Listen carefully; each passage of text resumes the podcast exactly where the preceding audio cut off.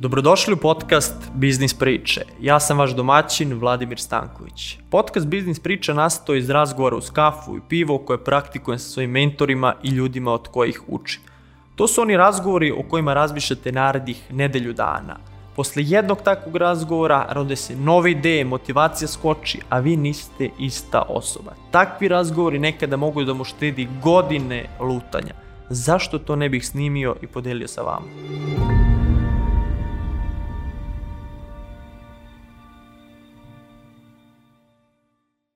Dragi gledoci i slušalci, dobrodošli u petu epizodu podcasta Biznis priče. Današnji gost je Trg Republike domaćeg digitalnog marketinga, to su rekli moji gosti za njega, a šta kaže Dnevnjak? Dnevnjak kaže da je to prvi srpski internet arhijepiskop, protojerej, influencer Istok Pavlović. Istoče, dobrodošao u Biznis priče. Bolje te našao. Prvo pitanje da krenemo od onih najtežih pitanja, pošto si ti prava osoba za, za to, kako je stanje na domaćem tržištu digitalnog marketinga? Jel kaskamo, koliko kaskamo? Ima više parametara po kojima kaskamo i neki parametri po kojima smo korak u korak sa svetom. Što se tiče recimo Instagrama, tu mislim da smo tu negde, držimo korak. Što se tiče, uh, zapravo mislim da deo gde najviše Srbija kaska je uh, e-commerce, iz prostog razloga što uh, plaćanje karticama i dalje nije uh, masovno, I drugi, možda najvažniji, najvažnija razlika između digitalnog marketinga ovde i na zapadu je što kod nas i dalje nije razvijen affiliate marketing. A to znači da kada bi kod nas bio razvijen affiliate marketing kao na zapadu, onda bi svaki youtuber, svaki content creator, svaki bloger ovde mogao jednostavno da stavi linkove ka stvarima kojima priča i da zarađuje svaki put kad neko klikne i kupi to tako što ukuca svoju karticu. Tako funkcioniše ceo YouTube, ceo internet, e, već decenijima praktično, to kod nas još nije došlo. Uh, I to je osnovna razlika. Uh, Zato se recimo mnogo više isplati uh, imati blog o nekoj temi na engleskom jeziku. Jer ti o čemu god da pričaš, znaš odmah kao, ok, ja sam rankirao na Google za to, to, to i to, ajde nađem neke proizvode sa Amazona, stavim affiliate linkove i zarađuješ mesečno 3000 eur, na primjer, bez problema. A ovde moraš da juriš sponzore, da ih moliš, da pregovaraš i to je jako teška monetizacija za kreatore sadržaja. Tako da mislim da je ključna razlika u tome što a, taj cash flow na internetu a, na zapadu je mnogo, mnogo razređeniji. Ovde i dalje ljudi poručuju najviše pouzećem i a, to je osnovni problem a, koji blokira da se razvije taj content marketing kao što se razvija recimo u Americi ili bilo kojoj ozbiljnoj državi Evrope. Kad bi Amazon došao kod nas, to bi okrenulo igricu, bukvalno. Jeste, da, da.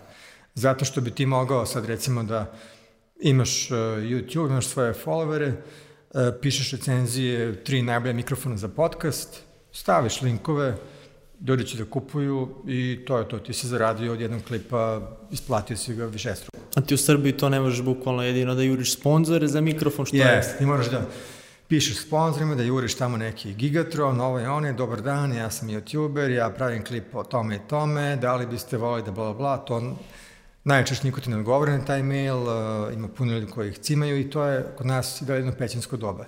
Pravi affiliate marketing je da ti nikada ne kontaktiraš nikoga iz tog Gigatrona, Amazona, Winvina, nego da samo odeš na njihov sajt, uzmeš link, promovišeš i oni ni ne znaju koji promoviše, ti zarađuješ pare i to je to. Uh, Zato se razvijaju uh, puno ti uh, blogovi, content platforme, ove, ljudi koji radi YouTube klipove, jer samo stave ispod te linkove, ljudi toga zarađuju, plus zarađuju od pregleda na YouTube-u koji opet razlika u zaradi na YouTube-u recimo e, kod nas i na primjer u, ne znam, Nemačkoj je puta 10, puta 15, puta 20, e, puta 30, zavisi koje države, ali ove, dosta velika razlika.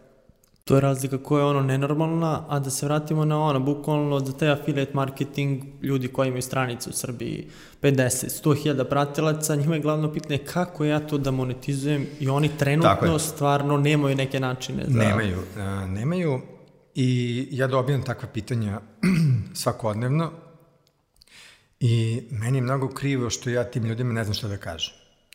Uh, znaš, oni misle, e, sigurno zna, Ove, I onda kad, kada im kažem da, nažalost, nemam rešenja za njih, ne znam šta bih im rekao, meni je to jako teško, mislim, da, da im saopštim takvu činjenicu.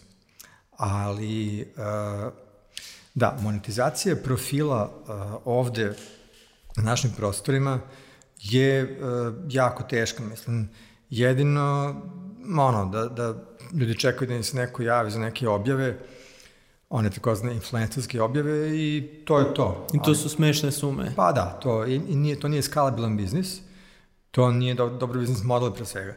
Znači, ono što ljudi bi trebalo da pre svega istraže kad pokreće bilo koju stranicu, bilo koji posao i tako dalje je a, kako će od ovog zarađujem pare. A, I to je ono što, mislim, uvek je to potencijalno problem u nekom trenutku ako uh, se ne razmišlja o tome na vreme. Početku, da.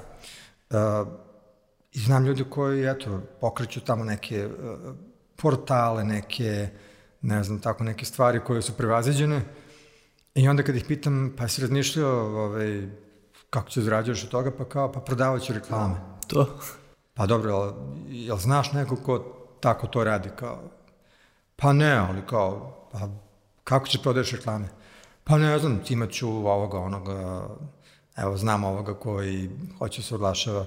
E, i to je najveći problem što to, uh, ljudi se oslanjaju na to da će to da se oglašavaju par njihovih prijatelja koji poznaju, tipa pokreću nešto i kažu, e, ma, evo, moj, moj kućni prijatelj je direktorka marketinga toga i toga, pa će on da mi nabaci 100 evra mesečno da zarađujem za početak, ali često to bude i kraj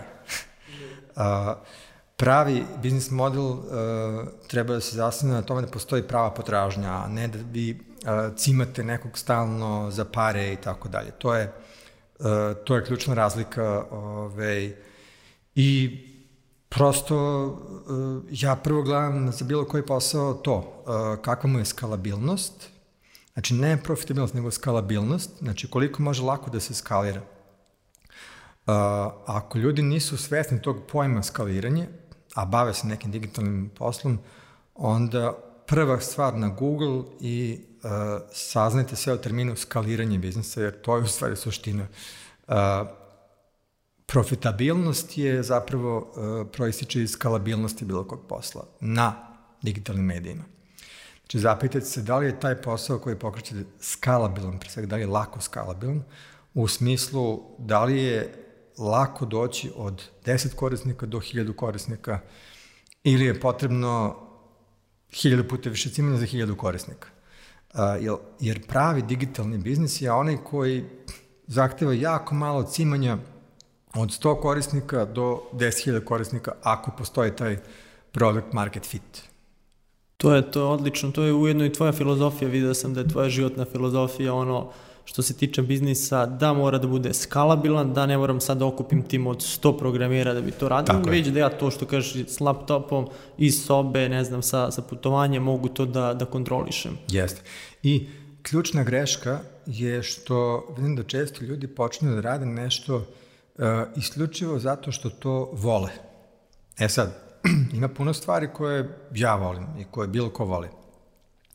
Od toga što od, od 20 stvari koje svako od nas voli, verovatno jedno 15 stvari je uh, katastrofalna biznis ideja, tri stvari su onako živeće na nekoj pozitivnoj nuli, a možda samo dve ili jedna stvari zapravo imaju potencijal da budu uh, uh, ozbiljan posao. I uh, mislim da je to nešto što svako treba da uh, se zapita. Uh, dešava se često tako da me ljudi pitaju za savet šta, rad, šta da rade sa svojim profilom koji isprogramio neki Instagram profil, tako nešto, ja im kažem, kad vidim da to nije skalabilno, kažem, uh, batali to i radi nešto drugo. O, najiskrenije kažem. I možda ih ubijemo pojam uh, u trenutku, a mislim da im spašavam time par godina života sigurno.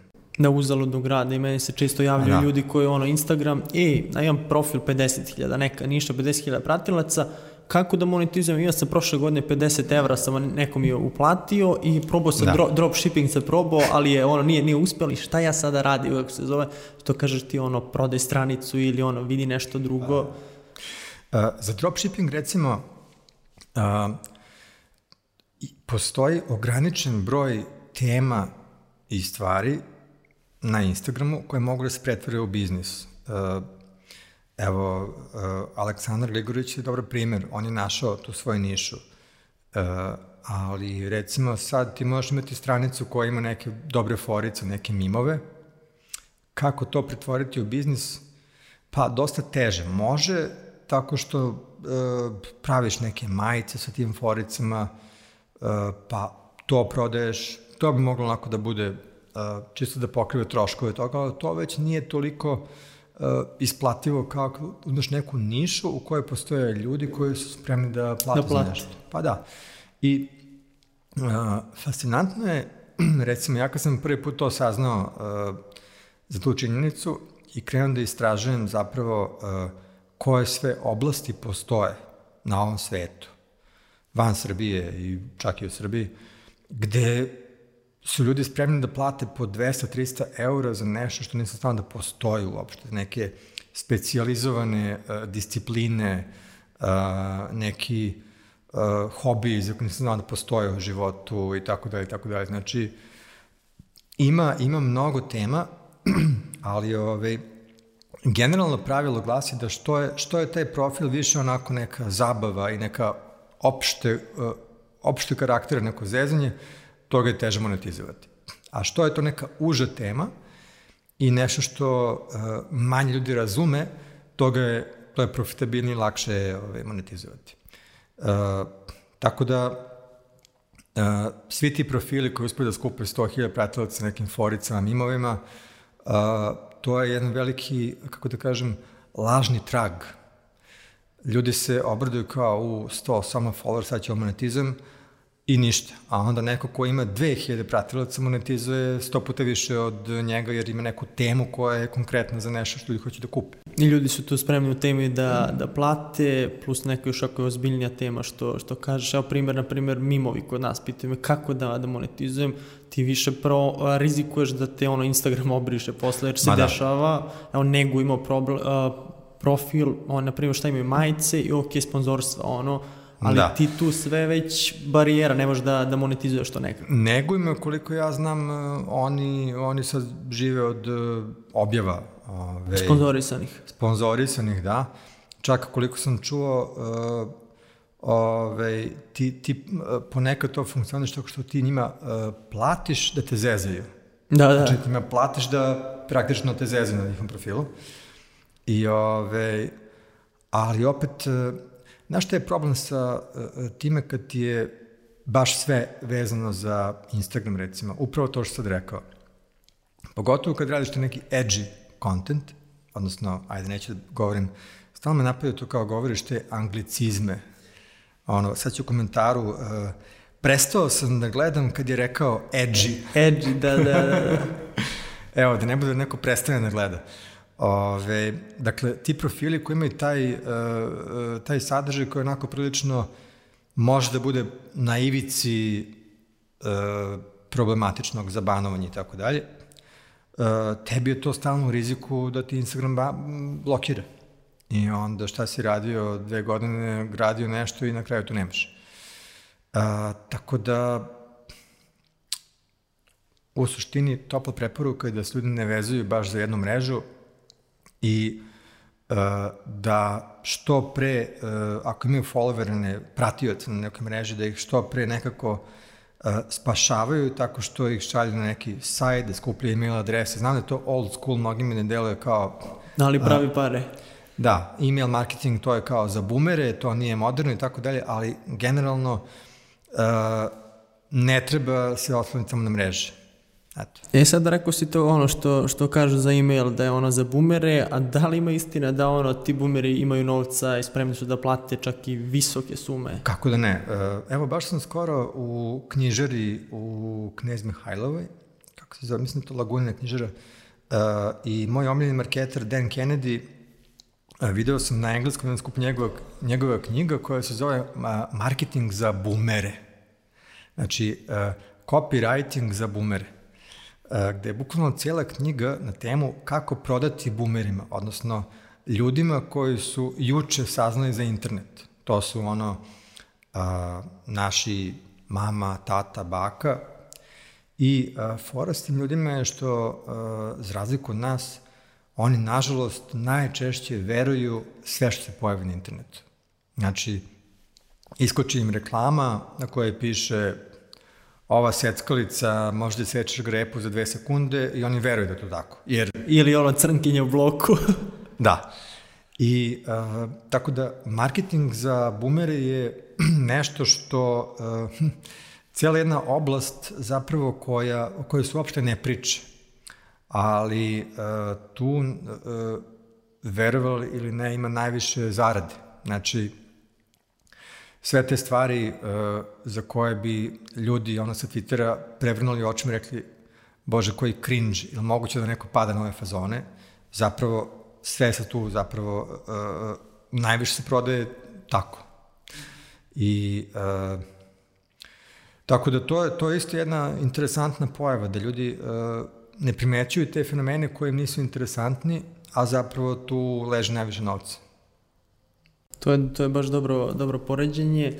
Znam da mi je relativno skoro ono, Stefan Gajić on gledao kopiju i rekao digni malo to malo da bude kako se zove ozbiljnije jer ipak ovi ljudi kojima se ti ono obreću koji imaju kinte da, da plate to jesu nisu ono za, za zezanje već malo da se, da se digne taj ton.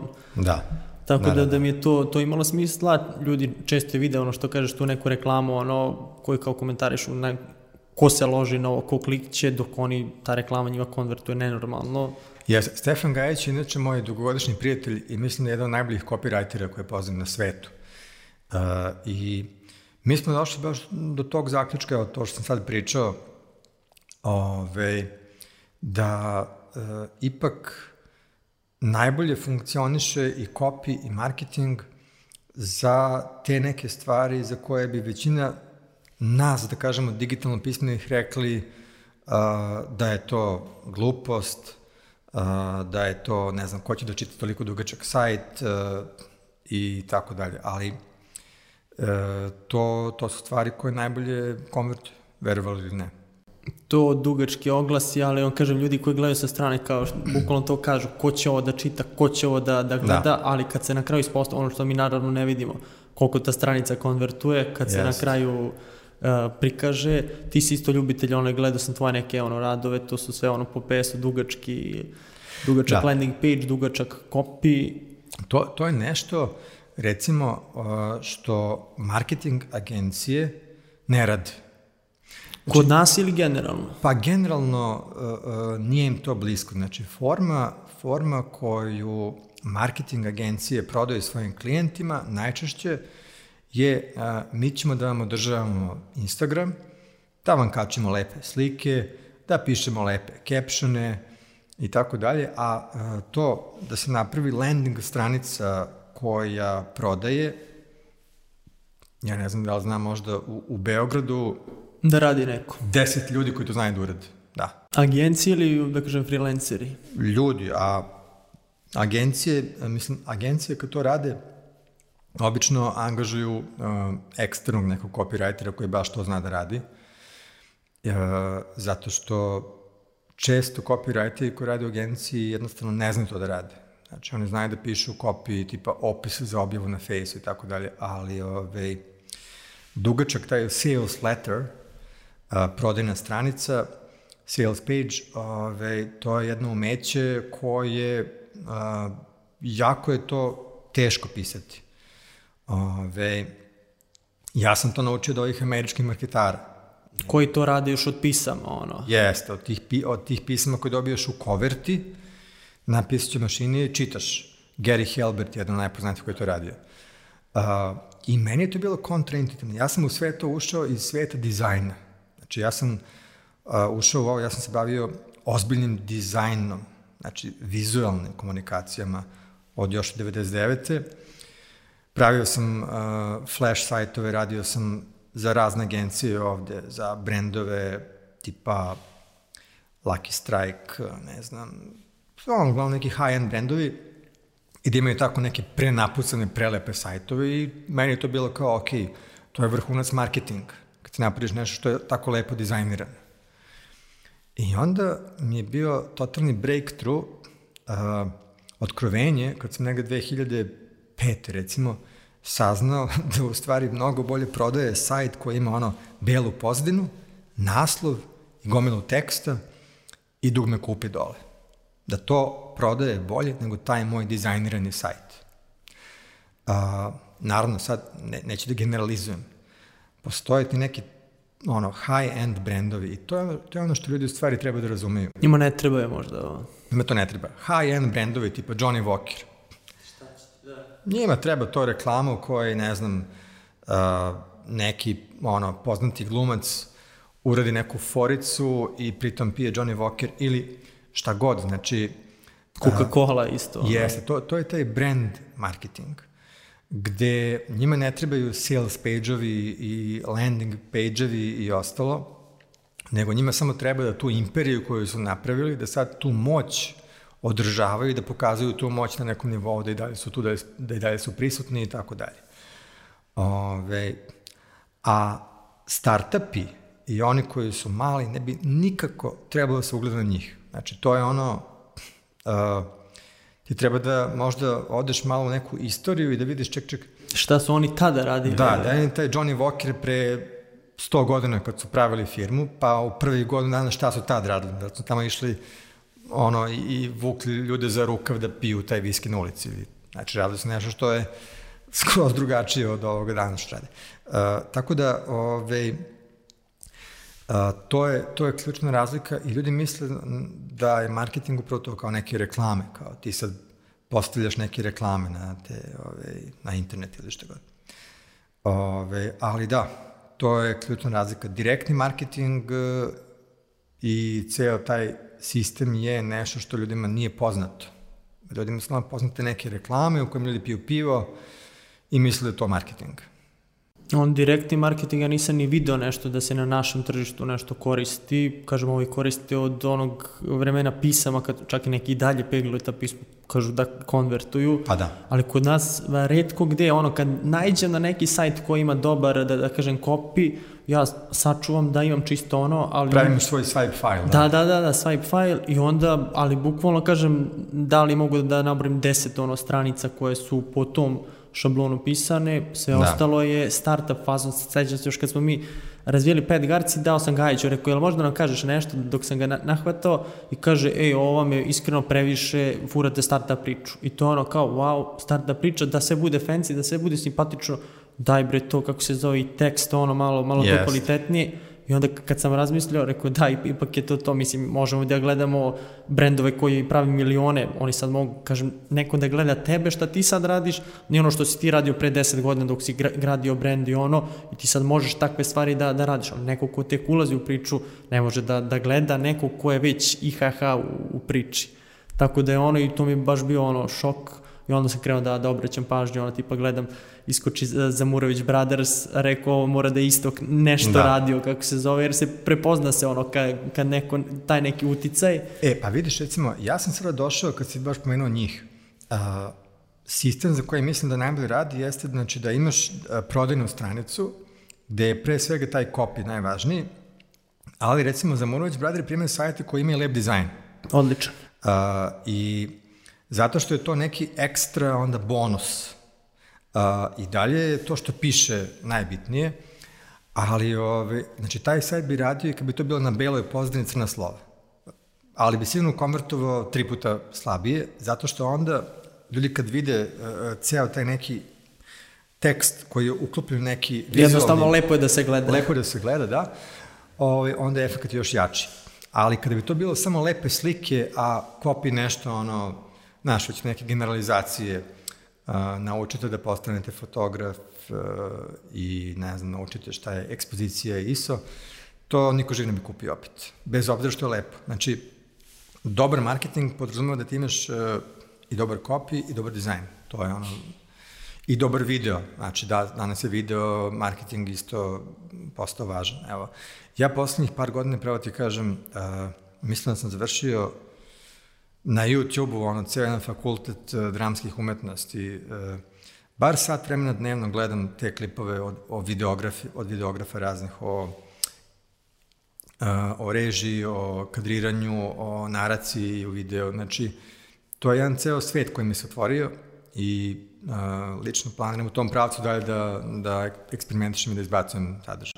Kad bi morao da izabereš jedan, ono, jednu oblast marketinga, ono, da ti je to, da možeš tu da daš maksimum, koja bi oblast za koju bi se ono opredelio, a da znaš da će ti dati najveći, ili da, na primjer, da sad moraš da se specializuješ za jednu oblast, usku oblast, koja bi to oblast izabrao, da li je to sad, ne mogu da kažem da je, da je video oblast marketinga, ali format ili, na primjer, copy? Da, definitivno copy, uh, znači, uh, Evo, i slušam ljudi koji gostuju po raznim podcastima, ove, kad ih pitaju to pitanje, ono, svi kažu copywriting, ako treba izbereš jednu stvar, copywriting je uh, najkorisniji skill koji možeš da imaš.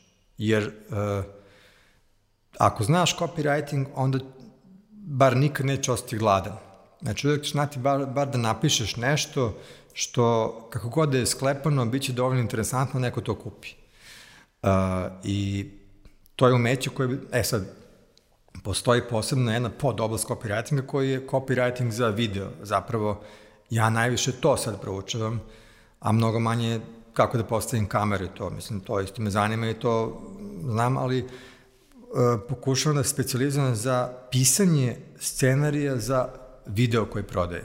Znači, to je sad nešto što je opet copywriting i da bi to radio moraš da znaš prosto koje postoje e, tipovi kadrova, e, filmski jezik, koje postoje tipovi katova, prelaza, šta koji govori gledalcu, kakva emocija koja izaziva i isto je ono kao kad naučiš kopi ovaj, za, za web stranice, onda uzmeš i praviš priču i znaš da će ljudi da prolaze kroz neke emocije dok slušaju to o čemu se u videu ovaj, govori. To je, to je dobra stvar rekao si negde, ne znam, gde si to pričao da voliš s vremena na vreme da uključiš ono VPN, staviš Ameriku, da bi ti skakale njihove reklame, da vidiš šta se tu radi, koristiš to i dalje? Apsolutno. Uh, preporuka za svakoga ko hoće da vidi dobre, recimo sad, primjer dobrih reklama za YouTube, duhovitih, viralnih, uh, Harmon Brothers. Znači, ukucate na YouTube-u Harmon Brothers, braća Harmon njihove reklame. Prvi, prvi rezultat biće jedna playlista gde su sve njihove reklame. To je jedna ekipa uh, koju sam skoro otkrio. Apsolutno su genijalni. Oni su radili, ako znaš, možda onu čuvenu reklamu Skvoti poti na YouTube-u, sa onim uh, unikornom koji kaki. Aha, da. Da, da. I ove, to im je bila najviralnija reklama, a oni imaju još jedno 30 reklama tu, gde to je neki blend uh, zezanja i teleshop. E, znači, znaš kako su teleshop reklame dosadne, ono, gledaš je kao, brate, ko se lože na ovo. A njihove reklame, jeste to, to jeste prodajno, ali to je toliko zezanja i bacanja forica i ove, i jako duhovito, ali opet e, te ubedi da kupiš proizvod. Ja bih svakom, e, evo možda, mislim da je ovo najkorisnija stvar koju ću reći u ovom podcastu, znači da ljudi pogledaju reklamu od Harman Brothersa. Stavit ću link baš u opisu. E, može. I, ove, I tu ćete vidjeti kako se prave dobre reklame uh, za, ne samo za YouTube, nego video reklame koje možeš staviš na Instagram, na Facebook tako dalje. Poslednjih nekoliko projekata ja sam radio po njihovom blueprintu, znači uh, pisao scenarije za reklame koje su u njihovom stilu i svaki od tih projekata je pokidao vrhunske konverzije i tako dalje. Znači, najbitniju stvar stavljamo u opisu. Rekao si da voliš Dan Kennedy, a koga bi još izvojio od tih gura copywritinga? Da. U suštini to je ta ekipa, ovaj, manje viš kad se pomene copywriting, uh, tu je Gary Helbert. Gary Helbert je zapravo prvi uh, copywriter koga sam otkrio neke od prvih stranica koje smo uh, eksperimentisali Stefan Gajić i ja, uh, zapravo smo uh, bukvalno čitave rečenice uh, krali od, od, od Gary Helberta, ove, zato što su apsolutno genijalne, čovjek je bio genije. I ove, e, onda kasnije sam otkrio naravno ovo što i svi otkriju koji uđu u copywriting, znači one legende od još ranije, tipa John Caples, ove, Charles uh, Schwab i tako dalje, i tako dalje. Znači, postoji uh, čitav niz ove, tih knjiga koje su napisane još pre 100 godina, koje su i dan danas aktualne. I jedna knjiga koju sam pokazivao ljudima na, na mom kursu na Masterboxu, to je, zove se, može se naći na Amazonu, to je 100, 100 najboljih reklama od 1890. do 1950. godine. To su crno-bele reklame iz novina od pre 100 godina i više čak. Uh, I to je toliko korisno da se uh, pročita. Uh, napravili su svako, znači i case study, uh, koje su bili efekti i tako dalje. Tu može da se uzme masa fazona koji su i dan danas aktualni. Znači, iako je to ono, crno-belo novine pre 100 godina, ali sam taj kopi i princip uh, jako je, jako je ove, ljudima, ne znam zašto, ali ljudima je jako teško da nauče da pišu. Uh, to je jedan skill koji na ovim mojim kursima se najviše trudim da prenesem ljudima. Uh, mislim da je broj jedan razlog zašto ljudi uh, ove, nikako da piše dobar kopi je da nekako e, previše su stegnuti. Misle da to mora da bude neki akademski jezik, misle da to mora da bude, e, odnosno, nemaju hrabrosti da budu edgy, da budu ono malo ekstremni. I onda pomišljaju, ja, šta će da kažu ljudi, ja dobit ću otkaz ako napišem, ako radi za klijenta i tako dalje i tako dalje. Ove, a Mislim da je i Dan Kennedy to rekao, kaže, ovaj, ja ako pošaljem kopi klijentu i mi odmah kaže da je sve ok, ja znam da ne valja. Kaže, dobar kopi je onaj koji ti pošalješ klijentu i on ti vrati jedno, tri, četiri stvari koje kaže, ja, pa ne možemo, ovo su više ekstremno, kao, daj, ne, si lud, ne može ovo da ide. E, Kad ti klijent kaže, ja, da, ja si lud kao ovo je suviše ekstremno, to je dobar kopij. Ako ti klijent sve odobri, znači da nisi bio dovoljno ekstreman, nisi, nisi dovoljno bio provokativan, nisi dovoljno ove, ovaj, bio out of the box.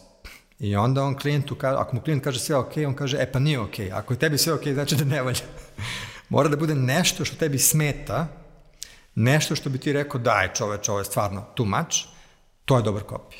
Se možda i plaše, na primjer, ajde kod nas brendovi da, da ne odu neki ekstrem, ono, na primjer, da njima naravno, da... Naravno, naravno, da. Zato ovaj, u suštini tu su startupi u prednosti. Jer ti možda kažeš šta god hoćeš. Nema šta da izgubiš. Pa da. Ja znam kad smo bili ovaj startup Frame, uh, Nikola Božinović i ja smo često pisali kopi za neke landing stranice tako dalje. Mi smo ono, bacali forice koje u tom enterprise svetu uh, ove neke velike korporacije, nam nikad smeli da stave na sajt. U fazonu, znaš, kao, ispali bi neozbiljni. Ali mi, pošto smo startup, mi, možemo, mi smo mogli da napišemo ono, uh, hey, uh, let's face it, uh, this software sucks because bla, bla, bla, bla, znaš, kao, uh, bukvalno taj neki ono, uh, friendly jezik.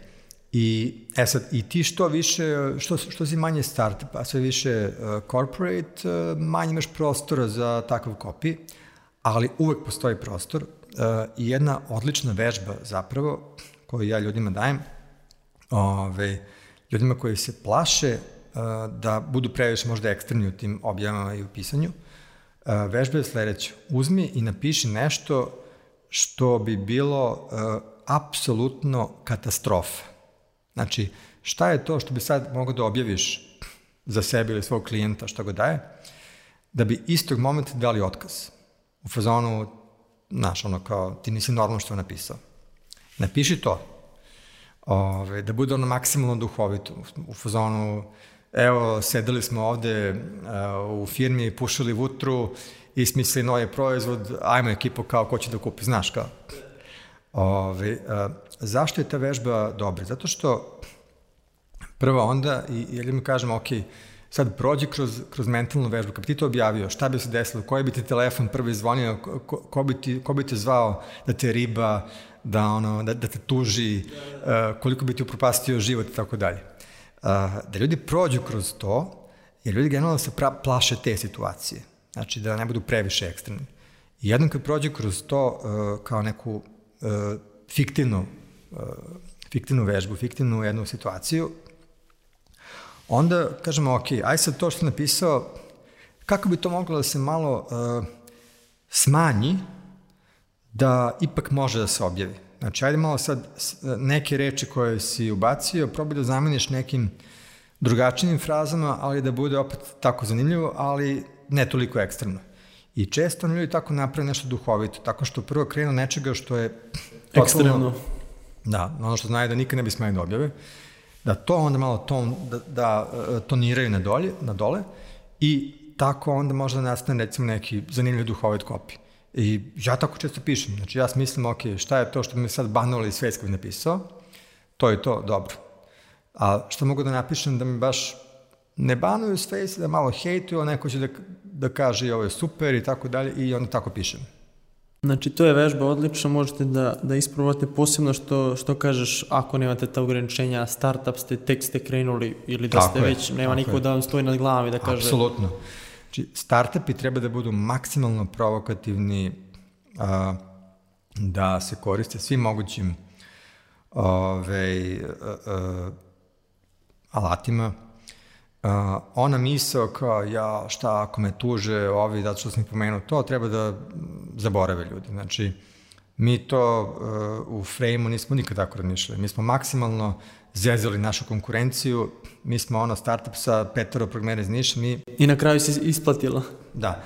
Mi u našem kopiju bukvalno zezamo i sprdamo neku tamo firmu koja vredi 50 milijardi, kao da im, da im je software sranje, da ne valja i tako dalje. Bukvalno se zezamo s njima.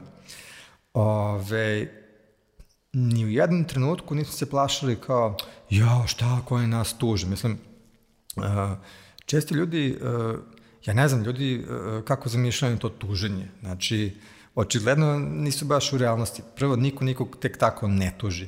Tuži velika firma veliku firmu. A to neki mali ove, koji se zezaju, niko ih neće tužiti, eventualno mogu da im ove, pošalju ono dopis da kao, e, iskulirajte kao sponitavo sa sajta. To je to. Jel to isto važi za ton komunikacije na društvenim mrežama? Ljudi ono vide šta radi Coca-Cola ili ne znam ko i onda su i oni maksimalno formalni na društvenim mrežama. Da, čak Coca-Cola, Coca-Cola čak i nije formalno, Coca-Cola se truje da bude playful.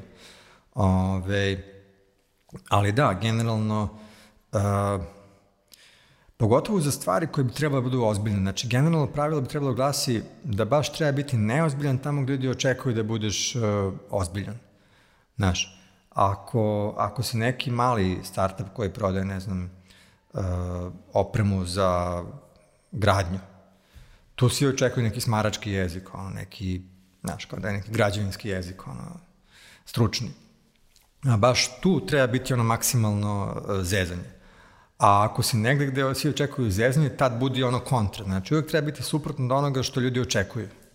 Znaš, to je, to je neko, neko moje pravilo u životu. Ovaj, to je meni još tata rekao kad sam bio mali. Kaže, uh, kao, ima jedan mnogo, mnogo koristan savjet, kao, uh, uvek bude drugačije od ostalih, ali ne tek tako, nego kaže, uvek treba da budeš suprotno od onoga što ljudi očekuju da čuju od tebe. I to je jedno mnogo prosto pravilo. Ove, tako da... Uh, Isprobajte to. Da. Ne mora bude suprotno, ali može da bude jednostavno neočekivano. Znaš, uh, naravno, neće to uraditi uvek u svakoj situaciji po svaku cenu. Mi smo sad na podcastu i pričamo, uh, niko ne očekuje sad da se ja skinem go ovde, ja to neću raditi, ne, nije, nije prosto... Nismo, nismo kod Marića. da, ali nije, nije, nije logično, ne, nema smisla da uradim tako nešto. Ove, to treba raditi samo tamo gde ima neke logike za to. Kad smo kod to na komunikaciji, Ikea ima baš za, zanimljiv ton komunikacije i na Instagramu i na obraćanju, nisu na ono, na vi, već su na ti, čak i poruke kad šalju ono, hej Vladimire, umesto ono, kad sam pitao za neki upit, nemaš on poštovani, bla, bla, bla, bla, nego hej Vladimire, ej, ovde možeš videti, bla, bla. Jeste. IKEA je uh, razbila nešto što je od godinama važilo kao standard, jer je kao standard generalno važilo da ljude oslovljamo sa vi, često da počnemo sa poštovani, to poštovani kad čujem znači brate, ono kao, uh, zašto ti mene poštuješ, mislim, ono kao... Čemu to? Da, kao, ove, i, e sad, tu je recimo jedna uh, velika varka, znači, uh, Ikea, recimo, ljudi stalno prozivaju zbog toga hej. Uh, postoje jedno 2% ljudi u svakoj objavi Ikea koji će napisati A, kakav je to ton komunikacije? A, došli ste vi šveđani ovde da nam a, pričate na ti, kao nismo mi sama vaše ovce čuvali sa vikinzima, kao ovde se priča vi u Srbiji. Ove, I sad, neko drugi bi tu a, popustio i rekao, jao, ljudi se bune, daj da pređemo na vi, kao, znaš, kao hejtuju nas, kao, ne, brate. 2% ljudi ili 5% ljudi nek hejtuju, nek hejtuju. Nek hejtuju, znači ti guraš. A, Ključna stvar je da, ključni pokazatelj da nešto radiš dobro je da postoji jedan manji procenat ljudi kojim se ne sviđa. To znači da je to dobro što radiš. Ako se svima sviđa, znači da to je nešto što ili ne radiš dobro, ili će, ili trenutno ili interesantno, ali će jako brzo postati dosadno. A, a, a sve što radiš, znači, ako, ako postoji 5 ili 10% ljudi koji su, ili čak 15, 20 koji su hejteri, a, to znači da radiš nešto, nešto valje. Čak i onaj groove engagement u komentarima kad krenu rasprave. Da, da. Inače, e, evo, to sam pričao više puta, mogu da ponovim, znači, ono što ja se, što se trudim da stavim na Facebook kao neke objave moje, e, ja često vidim stvari koje su interesantne, ali odlučim da ne stavim na Facebook. Zašto? Zato što je to nešto oko čega se svi slažu. Ja sam prestao da objavljujem stvari oko kojih se svi slažu. A, zato što tu nema prosto, nema, nema, nema komentara, nema, nema nikakve reakcije. I onda traži polaritet neki da bi... Tražim polarizaciju, da. I kad vidim nešto kažem, aha, vakcine, u, super, ovo će, ovo će 50% da hejtuje, 50% da kaže, e, baš treba to tako, i onda će oni da se svađaju u komentarima. A, znači, biram takve teme. E sad, tu treba da se, ovaj, da, da se pazi na druga stvar, a to je da čovjek ne postane previše ovaj, dosadan, jer ja kad bih stalno sad obiljivao vakcine, vakcine, vakcine, vakcine, vakcine, onda bi followeri, pratioci rekli kao... Strani plaćenik. pa ne to, nego kao, e, ok, više si dosadan kao s ovim, znaš, kao... a, znači, te polarišuće teme trebaju naći nešto novo. A, ove, zato treba pratiti a, popularnu kulturu, dešavanja i tako dalje. Sad si skoro obradio ovu temu šortovanja na Wall Streetu i tu je čak bilo ono komentara. Jeste, da. E, pa to je jedna stvar koju volim da radim, to je da objašnjavam stvari koje nisu ljudima jasne no, kroz neke metafore. Naravno, kad sam, kad sam ovaj, saznao za taj GameStop i šta se dešavalo, odem kao da pročitam, I, ovaj, I pročitam jednu, drugu, treću, petu vest o tome kako da neko kao objašnjava šta se desilo, ništa mi nije jasno. Šta se desilo, znači, znaš, kao, nije mi jasno. I da kažem, ok, ako meni nije jasno, to znači da 99% ljudi koji se ne bave berzom, ni njima nije jasno. Ajde ja se da odvojim ceo dan, da ukapiram šta se zapravo desilo i da probam da objasnim kroz neku metaforu da ljudi ukapiraju. I krenem ja na, na Reddit, na Quoru, na razne ono, uh, sajtove gde su neka, uh, kako da kažem, ta, ono što zovu LE5, kao Explain Like I'm 5, to je na Redditu, ovaj, jedan čuveni subreddit, kao objasni kao da imam 5 godina. Tu imaš za razne fenomene, razne to objašnjenja. I onda ja čitam razne to objašnjenja toga što je desilo kroz neke kruške, jabuke, majmune, uh, Uh, razne, razne metafore i onda otprilike počinjem da shvatim šta se desilo i kažem, ok, ja se ja mislim kako da ovo ispričam Našim ljudima. Našim ljudima, nekim našim primjerom, neki čovjek na pijaci koji prodaje med i tako dalje. Uh, tako da, uh, to je, to uvek uradim. Kad vidim da se pojavi neka vest i vidim da meni to apsolutno nije jasno ništa, onda skontam da verovatno nikom drugom nije jasno, kao i meni, i onda pokušavam da nađem način uh, kako to da objasnim. I to je meni jako jedan veliki challenge, ja to volim da radim. Uh, nerviraju me komplikovane stvari, jer znam da ništa nije komplikovano i znam da uvijek postoji način da se nešto komplikovano objasni na prost način, to je rekao i Einstein.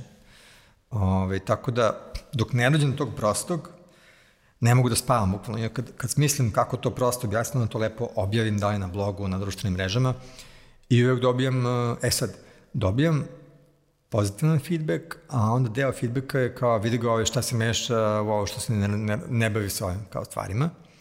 Uh, meni je jako žao, ali uh, zašto neko od tih ljudi koji se bave time nije uzeo objasnio? Ja bih to samo šerovao. Nego oni uzme i napišu nešto svojim jezikom, nekim uh, stručnim, što niko ne razume. A ove, ja volim da znači sve što je uh, stručno, akademski i napisano nekim suvoparnim jezikom da spuštam na neki metafor, neki nivo, ono, da, da svako može da razume. To mi je ono baš Zanimacija. Specijalnost, da. Isto si uradio za blockchain, bitcoin. Jeste, da. Evo, o Bitcoinu nisam znao ništa na dan kad sam počeo da pišem tekst o Bitcoinu. Bukvalno ništa, ništa nije bilo jasno kako to radi. Dve, posle dve nedelje sam zbacio tekst. Uh, svaki dan sam ono, Reddit, Kvora, čitanje, šta, kako, metafore, tamo vamo, dok nisam YouTube, dok nisam ukapirao kako to radi. Kad sam ukapirao kako radi, onda sam još dva, tri dana pisao tekst o tome i odjedno mi se javljaju ljudi ono, iz cijelog sveta, ne samo iz Srbije, kao je, ovo je konačno neko objasnio ove stvari, kao, znaš, kao, ove, svaka čast tamo vamo. E, jednostavno, mislim da on, na ovom svetu ne postoji dovoljno e, prostih objašnjenja komplikovanih stvari. I to me jako nervira. I kad tako vidim kad vidim tu nepravdu, želim da je, da je ispravim, prosto. A ljudi čak uzmu i one s, uh, jednostavne stvari i od njih naprave neku filozofiju, nešto to komplikovano. Da, zato što uh, to je, postoji dalje taj fenomen da ljudi pokušavaju da glume eksperte. Znači, uh, kako da ja da uh, se predstavim kao ekspert da bi se ja sad tu nešto kao izbrendirao, da me neko mene zaposlio, angažovao, šta god. Pa tako što ja tu moju nauku predstavljam kao neku veliku abstrakciju, kako je to sad, ne znam, neki tu big data analytics, ludila, tamo vamo. Algoritmi. Da. I, ove, i da uh, pravim neke veo misterije oko toga i to je to, znači kad neko dođe i pročita reći će, uvidi ovog eksperta da ga angažam. Mislim, uh, ja, ono je potpuno drugačiji pristup. Znači, uh, želim da uništim sve što je komplikovano objašnjeno, da, da dok ne dođe do nivoa da je jednostavno. Jer mislim da ništa nije ne zasluže da bude e, komplikovano. I ljudi ono to prihvataju sasvim drugačije kad dođeš ono što kaže za Bitcoin niko znači ne može da, da skapira šta je onda dođe kao kroz primere kroz ovo pa da. ba, banalan primer ono meni je jasno tako da treba više takvih takvih stvari, a ljudi da smanje ono, da filozofiraju, da prave nauku od nekih stvari koje su proste, yes. ali možda što, što kažeš ono, da bih neko i za, zaposlio, čak i neke stvari koje su banalne, ajmo da napravimo nešto da bude to komplikovano, da bih ja da mogu upakujemo neku priču, da bi ja to na kraju prodao, ono. Čak ima, ima i toga da ljudi samo komplikuju te stvari koje stvarno, ono, što kažeš, pa da. objasniš u par koraka. Tako da kod, na tvom blogu, ono, ja sam dosta tu stvari na, naučio na jednostav način i ono kad neko pita kako da krenem, jednostavke, ono, evo ti iz liste, kako se zove, sve skolovka, ti blog malo pročitaj tu kod isto kao ono, svaki pohvate beleške, da možeš uopšte da uđeš u tu priču ono, digitalnog marketinga, a ne da se zaleđeš sa, sa nekim stvarima, tako da ono, mislim da, da i piše azbuka ili bukvar digitalnog marketa. Da, da, to je poslednji tagline na blogu. I to, to je generalno meni savjet za svako ko radi neki content marketing za neki svoj posao, uh, da uzmu tu svoju nauku i da je potpuno demistifikuju pred ljudima. Znači da je potpuno ogole, da je potpuno pri, uproste i da predstave to što rade kao nešto što je apsolutno uh, trivialno i nešto što je jako jednostavno. Znači, opet se vraćam to, uradi suprotno od onoga što svi očekuju. Svi očekuju kad glumiš nekog eksperta da ti se to komplik, da si ozbiljan. komplikuješ, da sad tu ono, big data, čuda, a u stvari baš treba bude suprotno. Znači, a, baš kad, kad udariš kontru, a, dobit ćeš taj željeni efekt. To je, to je, to mora da, da se isproba i ono što kažeš, ako mora jednu stvar da, da izvuku iz ovog intervjua, to bi, to bi bila odlična stvar i ono za startupe što si rekao da jednostavno mogu da rizikuju, tek ste krenuli, nemate šta da, da izgubite, iskoristite ljudi te stvari. Jedan od tvojih blogova je bio upravo za funnel, gde sam se ono upoznao sa, sa fanelima, iako si ti to pisao, ja na našem tržištu nisam primetio da ljudi uopšte koriste te stvari, ono što kažeš, kad upališ VPN, kad ti iskoče, bukvalno subscribe se da vidim šta ljudi rade, yes. kad sam video šta rade ono strani edukatori, šta rade strane firme, kao pa zašto niko, znači imamo internet, nije da sad kaskamo iz nekih razloga, zašto ljudi to kod nas ne, ne koriste? Uh, nema, ovde ljudi recimo, to je jedan od ključnih problema, uh, valjda su kasno došli na internet, ne znam, ili, uh, ili su, da, mislim da je problem što većina pristupa internetu s mobilnog telefona. Uh, I prvi, ko, prvi susret sa internetom bio je na mobilnom telefonu. I onda za te ljude Instagram je ceo svet. Znači, fucking Instagram, ove, ovaj, je ono kao jednako internet i onda sad neko lupan sad hoće da pokreće neki biznis sa ono čime god, uh, prvi korak otvorit će Instagram profil, pa će tu kaći neke slike, pa ne znam, nešto se desi. Uh, znači, taj, onako, taj jedan pogled, uh, ljudima ovde nedostaje taj pogled, neku opštu, neki landscape, znači neku perspektivu, šumu, a, marketinga, gde je Instagram je samo jedno, jedno od drveća u toj šumi. A, znači, oni, ja mislim da oni sede ispod tog drveta i vide samo to svoje drvo, taj svoj Instagram ne, ne kapiraju da postoje otatak šume.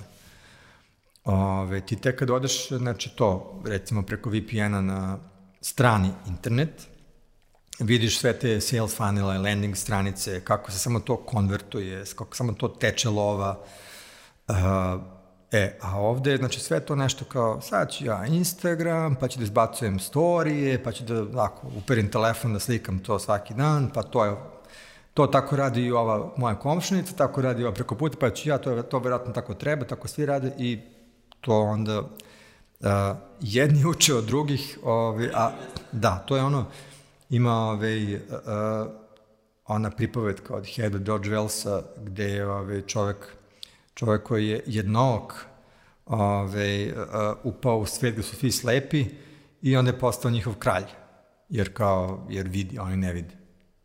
To, to, je dobar, to je dobar primjer isto ono sa, sa tiganjem, ono, žena koja sprema šniclu i bukvalno drži u tom tiganju i pita je ono, zbog čega spremaš tako? Pa moja baka je spremala tako, ok, pa ajde pitamo baku živa je zašto spremaš? Pa kaže, moja majka isto spremala tako, na kraju pitaju ženu najstariju kao zbog čega vi spremate tako, kaže pa tiganj mi je bio mali, ono. A ovi si slepo kopiraju, da. isto kod nas, ono, ljudi gledaju kako da baziramo strategiju cena, pa kao vi imaju tu cenu, ajmo i mi isto, ono, a zašto oni to radi, pa nemam pojma, videli smo, videli smo yes. negde. Evo primer, recimo, ovaj, Big Pizza koja je dostavlja za 30 minuta. Uh, I sad, taj koncept je ukraden, mislim, bukvalno prepisan od uh, Domino Pizza. Da, koja je to uradila 70. godine još prošlog veka, znači pre 50 godina. I sad, ove, ovaj, ja sam to pročitao negde u nekim knjigama marketinga i ja sam s tim ljudima koji imaju neki fast food biznis, pizzerije i to, uh, ja im kažem za to. E, što ne probaš ovo kao, znaš, evo, pogledaj, ovi su to uradili i kao razbili su, postale su glavne pizzerije u Americi, kao stavili su dostave za 30 minuta ili besplatno. I Svi jednog su mi govorili, ma ne može to kod nas da uspe, ma to može u Americi, znaš, gde, ovde bi to ljudi iskorišćavali, ovde bi to ljudi, ne može, znaš, to tako, no, dobro, okej. Okay. I onda jednog dana neko sam napravio Big Pizzu i stavili su taj koncept i eto, kao, to je, to je ono eksplodiralo. Koncept koji radi već ono 50 godina pa da. i tek sad je stigao ono relativno, sad isto to yes. primećujem, kod nas su sad u poslednje vreme popularni online kursevi, kažem, popularni zadnjih nekoliko godina, nije ono da smo mi imali pre 10-15 godina kurseve koji su prodavali preko kaseta CD-eve, Da. a ono, Americi ljudi su slali ono, bukvalno te i skupe programe, čak 70, 80 i pre toga, program Jest. edukacije. Na kasetama. Na kasetama, preko pisma, naravno, šalješ DHL-om ček. Zašto tu kod nas tek sad stiže taj trend? Mislim, nismo odsečeni od sveta da smo van interneta, ali te neke stvari da toliko kasne kod nas. Mislim da je opet do toga da je nije bila kritična masa ljudi ovde. I ono što smo Ivan Bild i ja uradili zapravo s tim kursevima, mi smo prvi napravili nešto ovde što je stvarno postalo masovno. Uh, I ja sam isto bio skeptičan, bio sam ono, ajde probamo to da radimo, pa ono, ako vidimo da ne ide, batalit ćemo. Znači, nisam ja bio siguran da će to da upali. Znači, to je bio projekat koji je rađen po sistemu MVP-a. Mislim, ove, lean startup, što bi se reklo. Znači, ok, ajde izbacimo landing page, da vidimo uh, koliko su ljudi da se upiše, pa na osnovu toga da vidimo da li postoji uopšte potražnje za kurseve. I ispostavilo se da je kako postoji. Uh, e, i sad, ali šta se dešava? Sad postoji jedan onako a, možda preveliki odjednom prevelika poprava, poplava kurseva. Jer ovaj, sad kao ste videli da smo Ivan i ja uspeli da uradimo tako nešto, sad uh, svi ono pokreću neke svoje kurseve koji kao da su spali s Marsa. Ovaj, I uh, ono što ljudi ne razumeju to je da, mislim, ja sam pisao blog uh, 15 godina. Znači, grade neku bazu fanova i tako dalje. I e, kada onda izbacim neki kurs, logično će svi ti ljudi koji godinama neki kon, ja sam radio neki content marketing praktično, ni ne znajući ono da će mi to trebati jednog dana, da ću to monetizovati kroz kurs. Uh, nego bio sam uvijek u fazonu kao, ok, ajde, ajde ovi ljudi da, da nauče nešto, ovaj, da naprave nešto. Uh, I, e, i sad neko ovaj, kaže, u, super, ajde napraviti mi svoj kurs, i kao, to, to će sad ljudi da gledaju, hoće, delimično, ali ove, svodi se na priču koju verovatno ti je pričao i Gligorić ove, o, o građanju brenda, znači da ti ipak je potrebno da gradiš dugo neki community, neku zajednicu i tako dalje. Može se napravi uh, kursevi mogu da se naprave recimo to kao sad nešto što je palo s Marsa, pa samo cepaš reklame ili će da kupuju. To može, ali recimo za stvari... I jeftine. Da. Ti pa da napraviš sad na engleskom kurs za, ne znam, uh, ono, 3D modelovanje ili tako nešto. Znači neki skill prosto, koji ono, prosto napravit ćeš neki interesantan video, hej, naučite da pravite ovako ono, 3D model sokova za reklame, kao, evo ga online kurs, to, to ima smisla, znači to je ovaj, ne treba ti nikakav pretjeran community, nego prosto pojavi se neko i kaže e, ja sam ono uspešan dizajner i ja naučit ću vas kako da pravite 3D reklame. Uh, to ima smisla, ali to ako ljudi hoće da rade moja preporuka da to rade na, na globalnom tržištu. Na, ove, I recimo, kod kurseva je jedna interesantna stvar koju uh, sam skoro uh, primetio, odnosno došla na zaključka, baš kad smo radili sa Zamurovićima, znači nas trojica, mi smo došli do jednog fascinantnog otkrića, a to je da uh, kursevi mogu da funkcionišu na globalnom tržištu, da je tako što ti pričaš na srpskom, a imaš titlove na engleskom. I što nisam znao. I to nam je bio otkrovenje totalno. Oni imaju tri jezika i ruski čini. Imaju ruski, da. Uh, Sad, mi smo mislili u perspektivi, ajde kao napravit ćemo kurs tok fotografije na srpskom, pa to pokrijemo Bosnu, Hrvatsku, Crnogoru i cijel region, a, ovaj, a onda ćemo, znaš, kasnije na engleskom. I šta se desilo? Desilo se, ovaj, mi, ono, snijemo kurs i oni izbace par storija, imaju na Instagramu možda 10k followera i njih prate dosta ljudi iz Rusije i Ukrajine.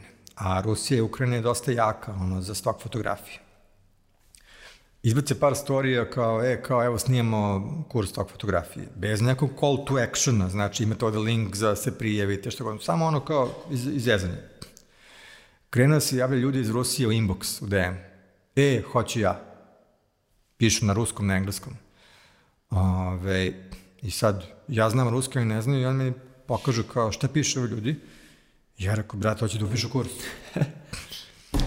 Jebote, kao, daj brzo da nađemo nekog prevodioca, tamo vamo, nađe mi ženu koja prevodi ove, ovaj, na ruski uh, i rešimo da napravimo tri landing stranice na srpskom, engleskom, ruskom uh, i ove, ovaj, da izbacimo paralelno kurs na tri jezika i prijavilo se bez ikakve reklame, prijavilo se oko 50 ljudi iz Ukrajine i Rusije Uh, I ono što sada planiramo sledeće jeste da krenemo ozbiljniju kampanju uh, u Rusiji. Idemo, prvo ćemo održati masterclass u Moskvi i uh, hoćemo da napravimo ono što je radio Miloš Biković, praktično da neko iz Srbije ode tamo i da napravi neki uspeh. E, uh, sad, da li to može da se uradi isto tako uh, u svakoj drugoj državi, ne znam, očigledno. Mislim da Rusi dobro reaguju na nas, da im je interesantno. Prvo, jezik im je, ne, raz, ne razumeju sigurno oni baš jezik bez titlova, ali ove, im je taj jezik blizak, mentalitet je sličan, uh, slične stvari se rade, evo bio sam prošle godine u Kijevu i video sam da je bukvalno isto kao Beograd, znači malo sam blejao po tim hubovima njihovim, ista je priča. Znači, mladi ljudi, završ srednju školu, upišu neki fakultet, studiraju ga par godina, vide nema vajde od toga, krenu da rade nešto digitalno preko Upworka, preko neke platforme ili za nekog tu krenu neku produkciju ili nešto, sajtove, šta god. I, ove, i neka standardna priča. I vidim da je, naš, ono, uh, sličan je, ljudi su u nekim sličnim životnim situacijama manje više, tako da uh, postoje neka ta empatija među tim svim slovenskim narodima. To, to je od, ozbiljno tržište, kažem, ljudi kad razmišljaju sad odavde bilo da se bavi e-komercom, uopšte ne razmišljaju o tim tržištima, što kažeš Rusija, Ukrajina, zemlje istočnog bloka koje su možda nama i bliže, već se fokusira, ajmo da jurimo Amere, a engleski nam je tarzanski, ono što si ti pisao i na, na blogu, jer ti kad Amerikancu pustiš landing page, kad provali da ti je taj engleski kao da ga je pisao neko ono sa strane, to stvarno ne možeš da prodaš neke posebno skuplje da, proizvode. Da, nema šanse.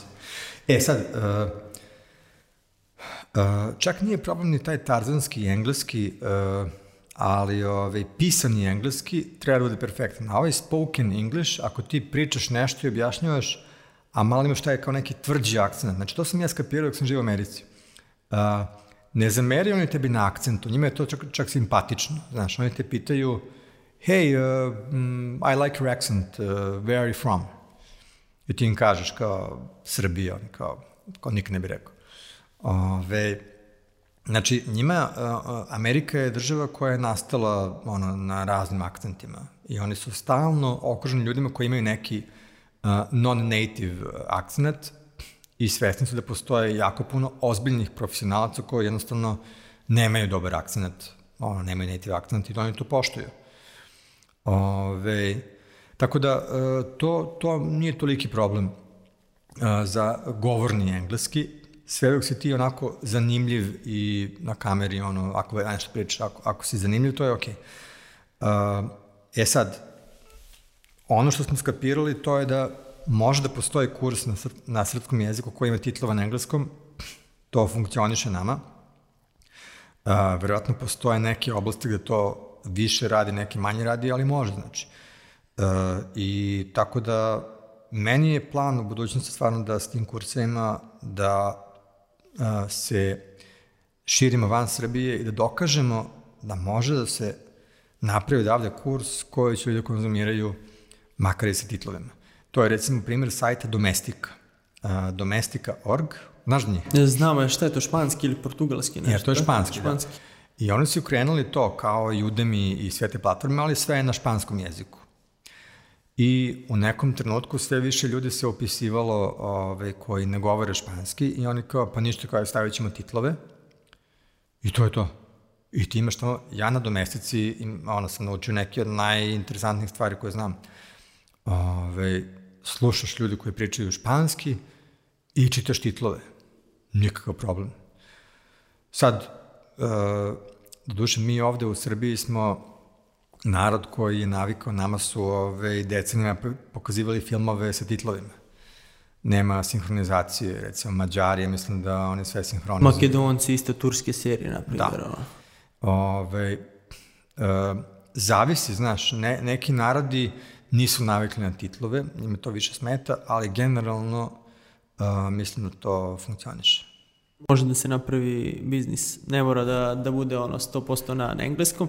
Kad si spomenuo kurseve, ono što si rekao za 3D modeling, kad neko ulazi bez brenda, ništa pre toga nije izgradio neku publiku, da li su to, da li je to razlika da su to oni kursevi, na primjer, koje može da prodaje kao na Udemy od desetak dolara, a već kad ima brand, kad prodaje svojim ljudima, ljudi koji, ljudima koji su već konzumirali, tu može da naplati i taj brand.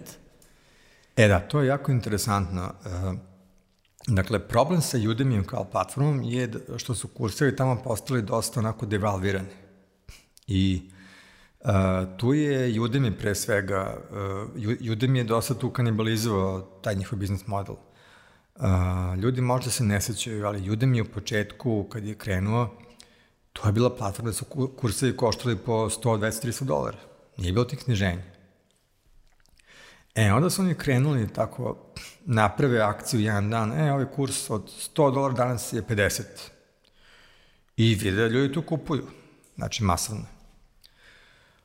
Onda su probali kao, ok, ajde mi da probamo da napravimo akciju kao da snizimo na 30 dolara, kupi još više ljudi. Ajde snizimo na 10 dolara, kupi milion ljudi. I ja sam rekli, pa čoveč, mi kad snizimo sa 100 na 10 dolara, tad kupi ono najviše, taj najveće zarada. I onda su krenuli da stalno prave te, e, ta nenormalna sniženja, e, a pošto je proizvod digitalni, znači nema nikakve e, marže, nema nikakvih troškova isporuke i tako dalje, ti, ono, ti možda sniziš kurs sa 300 evra na 5 evra i dalje ćeš imati neki profit. Međutim, ovaj, desilo se to da u nekom trenutku uh, svi kursevi jedno su na sniženju, Uh, i, Niko ne kupuje ono kad je puna cena. Da, da svi, da svi kupuju po toj ceni od 10 dolara i šta se onda dešava? Onda content kreatori koji prave kurseve neće, brate, ko, ko drži do sebe i ko zna da može da naplati više, neće da pravi kurs na Udemy-u, nego napravi na svojoj nekoj platformi. Uh, ili ima ljudi kao što je Seth Godin koji drže cene svojih kurseva, čak i na Udemy 200 dolara, pa ono, izvolite, ko hoće, hoće, ko neće, baš briga.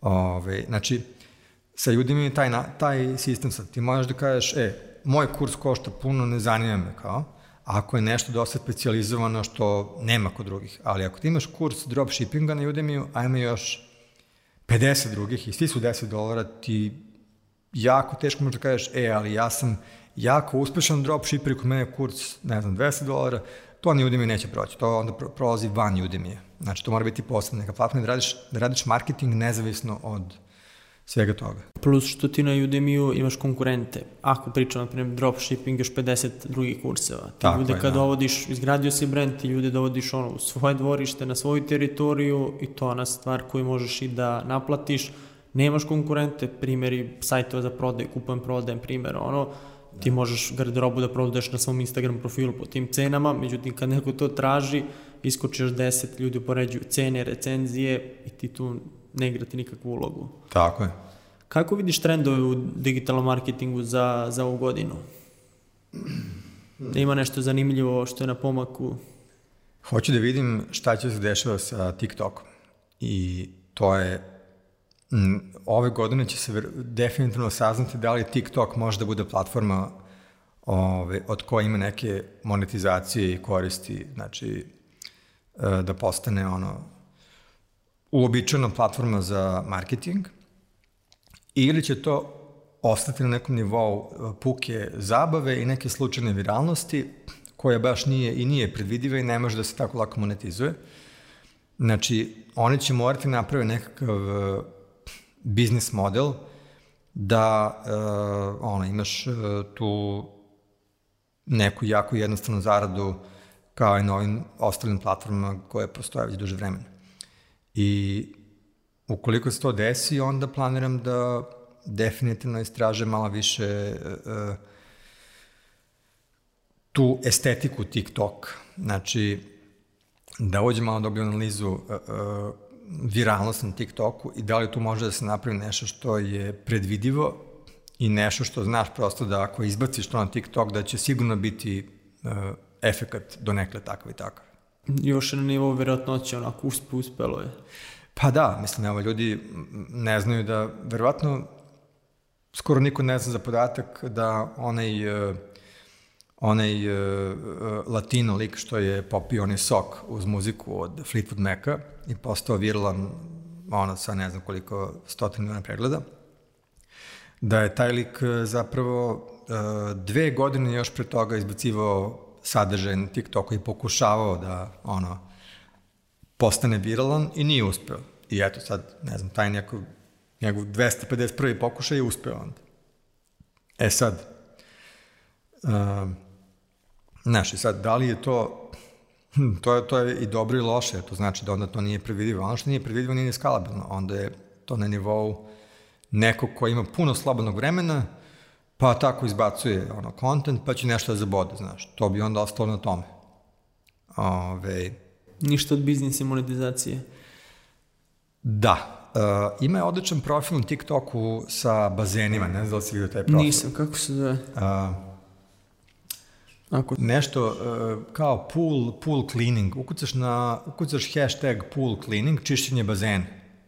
I ima lik koji ono, snima fantastične klipove kako čisti bazen za TikTok. Znači, dođe, sad pozove ga na klijent u neku tamo vilu i dođe i ono bazen, fazan, ono, niko tu nije živeo 10 godina, znači, uh, izrasla trava, žabokrečina, ono, užas, sve smrdi i tako dalje. I onda prikazuje ima te klipove gde pokazuje proces kako ovaj, taj bazen dovede do toga da bude ono instagramično perfektan bazen sa prelepom plavom vodom. Znači, prikazuje sve šta radi, znači kako ga čisti i tako dalje. E, mislim da ljudi to gledaju, eto, prosto da bi tako, kao što gledaju one Almažan klipove, e, ki, kitchen klipove. Odlična stvar. Da, da bi gledali taj proces, prosto, zanima ih proces ne, nečeg rada, znaš, kao, kao ti sad sediš, jedeš kokice, prvo tog bazena gledaš kako taj majstor radi, to je interesantno, kao vidiš šta sad uradi, aha, do neku mašinu, a čemu ovo služi? Aha, ja, vidi, interesant, znaš kao. I tako gledaš kao. Verujem da ga ljudi cimaju nakon toga ono, za, za njegove usluge. Pa da, e, evo baš ću da istražim kako taj profil monetizuje ta popularnost, ali generalno ta niša pool accessories je dosta, recimo to je niša u kojoj baš ima love i ove, znači kogod ima bazen mora da kupi mnogo gluposti za održavanje bazena, za te zelene alge, te crne alge, te ovo, ovo te ono, znači baš ima plus, samo za održavanje, a onda ono, Pumpe, uh, filteri. Pumpe, filteri i onda ove stvari koje služe za zezanje, tipa oni flamingosi. Flamingosi su jedno vreme baš ono, bili popularni. I, i, i razne gluposti za bazen, da, tako da, ove, eto, recimo, pool accessories je jedna niša koja je jako profitabilna. Ove, ali ne znam, ljudi se odlučuju da rade nešto što, ljudi najlakše počne da nešto tako, nešto čisto zezanje, kao sad ću da kačem mimove, vide da tu najbolje dolaze, najviše lajkova dobijaju od toga, ali ne razmišljaju da je to posle teško monetizovati. Bolje odmah u startu ono, stavi na papir kako ću ja da zarađujem od ovoga, da li uopšte ima poente, što kažeš, nakon dve godine mogu i da te ugase, na, na kraju Pa da, vrlo lako. Jedino isplat mi se ne isplati, ali jedina, jedini izlaz je da prodaš taj nalog. Da, i možda ga prodaš za par hiljada evra i to je to. I to je to, kad izračunaš šta si radio, ništa. Si sprobao možda ovu novu... Ja sam, mre... vidi, vidi, ja sam hteo da napravim jedan klip, napravit ću ga sigurno, ove, za, e, e, kao metaforu, za, za ljude koji tako guraju neki Instagram profil, ono, muče se, cimaju i zarade toga 20 evra mesečno, da napravim klip kako ove, a, perem prozore na semafor. Malo pre predložio Gligorić. E, ili, ili radim tako neki, ili, ili prodajem ljudima na semaforu maramice za 50 dinara, razumeš, ono. Tako neku glupost. Čisto da pokažem da, ono, da ja za jedan dan tog posla mogu da zaradim koliko je taj od Instagrama za godinu dana. Znaš, da kažem ljudima uh, da se zapitaju šta rade onda na, na tom Instagramu, na, da li gube vreme, razumeš? Ono, kao, jer uh, to je to, eto, to je, to je nešto, to je jedna poruka koju želim da prinesem, da, da ne gube vreme sa stvarima koje, za koje vide da neće doneti nikakvu, nikakvu zaradu. Tu je dobra poruka i ljudi stvarno razmišljajte o tome, a što najgore, primetio sam da, ok, ajde za Instagram troši, troši vreme, gradit ću tu stranicu, međutim, gledam ljudi, ko, ljude koji ulaze u neke poduhvate, otvaranje restorana, na primjer kod mene na Voždovcu, postoji jedan lokal koji, ne znam, zadnjih par godina, pet stvari se otvorilo, ništa nije funkcionalno, znači lokacija nije neka, i onda vidim kako neki novi restoran otvara i pokušava to isto samo još gore, ono, mislim, zašto neko nije ono preračunao da vidi, da pita, prolaznike, ljude koji žive tu, jel funkcioniše tu, jel ima smisla da radimo to, to je ipak ulaganje u restoranu, treba uložiti, da. i onda nakon ono šest meseci gasimo, ono, E, taj restoranski biznis, eto, meni je to naravno totalno strano, jer sam ja, ono, digital čovek, Ove, ali koliko sam shvatio, uh, restoran garantovano možda samo ako imaš svoju ekipu koja će da dolazi to, kao neku core ekipu. Jer onda i kad sve pukne i kad nema ljudi i sve, onda će bar ta core ekipa ti dolazi. A, tako da kod tog restoranskog biznisa ove, deluje mi, ja s tim ne bavim, ali mi deluje da tu opet neki ono social network treba da izgradiš, ali ne ovaj na Instagramu, nego neki prvo realnih ljudi. A onda i Instagram. E sad, Instagram je tu recimo, Instagram je zapravo tu doprineo da taj social network restorana da može da izađe van tog kruga tih tvojih ortaka koji će doći. Znači, ok, otvorim restoran, imam 100 ortaka koji će doći, ali da bi to danas radilo, moraš imati onda dobro razređenu priču na Instagramu da bi i, i u tom restoranu nešto zbog čega će ljudi poželeti da se tu slikaju. Znači, da li je to neki fancy ambijent ili je artsi umetnički ambijent ili neki uh, hrana koja je slikabilna. Znači, Instagramična. Jako, Instagramična, da. Da je to ovaj, u tanjiru nekako složeno tako da ljudi ono moraju da slikaju. Uh, I treba uvek ići ono korak ispred. Znači, pošto danas svako zna da ti nacrta u kapućinu onaj cvet gore, to više nije dovoljno, kažeš, e, pa mi ćemo da crtamo cvet u kapućinu, doći ljudi da slikaju, pa više neće, to ima sad svako. Znači, moraš moraš imati nešto što nema niko ili ima bar troje ljudi u gradu maksimum u tom trenutku da bi ta priča sa Instagramom radila. Znači, to je što se tiče stvari koje se slikaju, a druga varijanta je bila da napraviš, to je recimo ono što radi restoran Butik Trojka, da napraviš taj vibe da ono, ne postojiš ako nisi bio tamo. Znači, prosto, znaš, ono, uh, nisam riba ako nemam sliku iz Butik Trojke. E, a, to, je, to je drugi game koji može da se napravi, ali taj game se opet traje tako što treba da dovučeš prvih 100 ljudi koje znaš, koji će to da slikaju i koji spadaju te neke atraktivne ljude na Instagramu, da bi onda drugi rekli, e, jebi ga sad, kad je ova bila tamo, moram i ja. Znači, nema mi drugi nego da idem ja tamo. I onda se to povuče tako. Znači, sve o svemu moraš da imaš svoju publiku, čak i za restoran. Da, tako je. Jesi probao možda novu aplikaciju Clubhouse? Jesam. Ušao sam na Clubhouse, eto, uh, preporuk ljudima da probaju. Sprobao ti?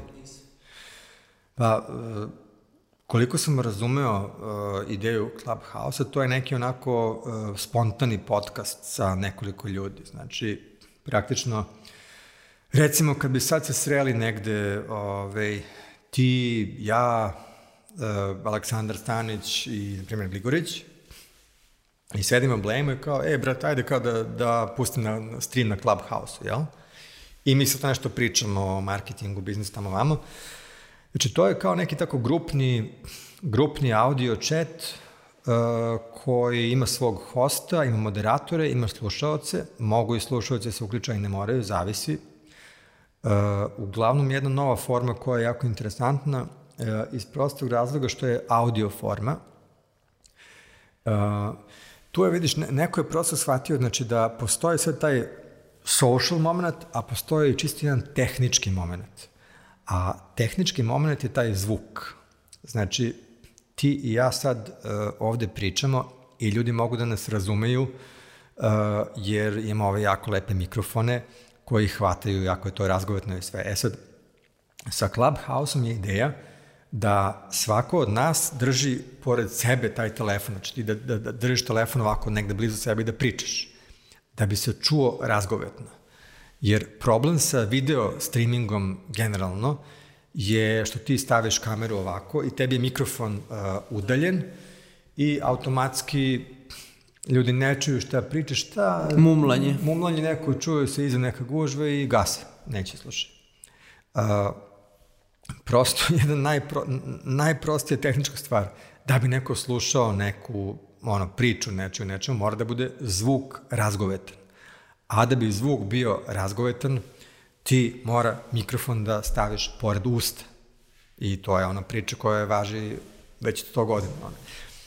E, i onda, pošto sad može nas četvora da uzme i da stave ono, mikrofon i da pričamo, i još nas deset koji smo svako u svom gradu, maltene, ove, onda to tehnički može da funkcioniš i ljudi mogu da slušaju, ono, okupe se, okupe se dobra ekipa, ove, neki interesantni ljudi i pričaju. I to je to. Još idu na to na ekskluzivnost, da ne može ko hoće da napravi, već mora da dobije pozivnicu, ili tako? Da, da. E, jedna vrsta ekskluzive je to što je invite only Clubhouse, a druga vrsta ekskluzive je to što je samo za iPhone. Samo za iPhone. Da. Tako je i Instagram u početku ove, bio samo za iPhone. Čak i bio onaj mem profil kao Rich Kids of Instagram. Ove, Da, da. Kao, eto, kao, uh, ako si na Instagram, to znači da imaš iPhone, znači ti si buržu i onda kao imaš love za iPhone i tako dalje. Uh, I oni sad prave, uh, opet, valjda pokušavaju da repliciraju to što je uradio Instagram kroz to kao, pa eto, kao, ako imaš iPhone, bit ćeš tu, ako nemaš kao... I plus pozivnica. Plus invite, da, da, da. Pa vidjet ćemo kako će to da zaživi, ali ima, ima zanimljive, zanimljiv potencijal. Često dobijem pitanje mlađih ljudi, fakultet. Fakultet, da li meni treba fakultet, da li da upišem, verujem da i tebe stalno smaraju za to, pa ajde da. Da. da čujemo i tvoje mišljenje što se tiče fakulteta. Kažem, ljudi su najviše zainteresovani za, za biznis i te srodne teme i onda stavimo fakultet, ono, za, protiv, prednosti, Da. mane. Teško pitanje, znam. Uh, pa to sam baš pričao, evo, skoro sam bio kod Ivana Minića u podcastu isto i tu temu smo pričali. Moje mišljenje, ja sam fakultet završio uh, jer sam mazohist.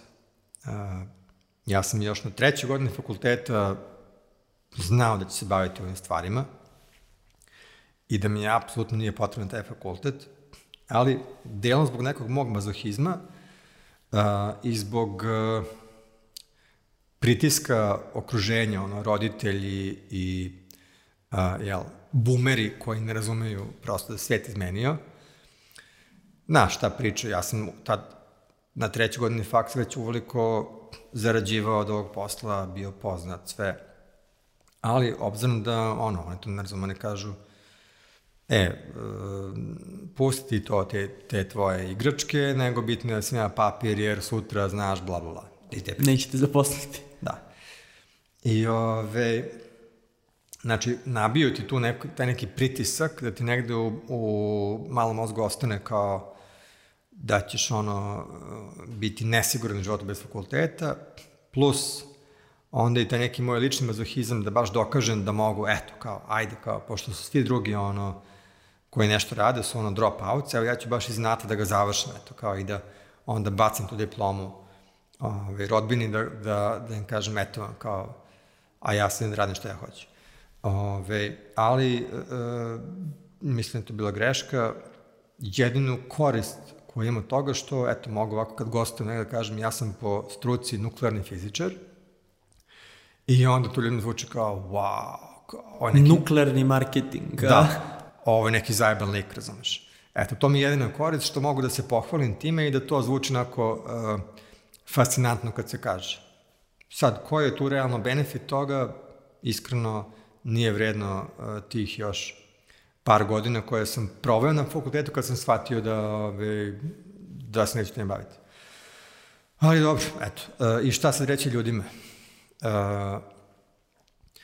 Pretpostavljam da su mlade ljudi u tom vaganju između roditelja i okruženja i onog što oni vide da ono da fakulteti generalno kao koncept uh, zamiru, da gube na značaju uh, treba da donesu odluku neku s kojom će on lično biti ok i zadovoljni, a, da probaju da nekako a, nađu neki kompromis sa svojim roditeljima, možda da, ove, da pređe neki privatni faks koji se lakše završava, šta god, mislim, samo da, uh, ako već to moraju da to što pre urade i da, i da rade nešto konkretnije, jer ove, nije to samo kod nas, u cijelom svetu mislim da sistem fakulteta se sve više disraptuje.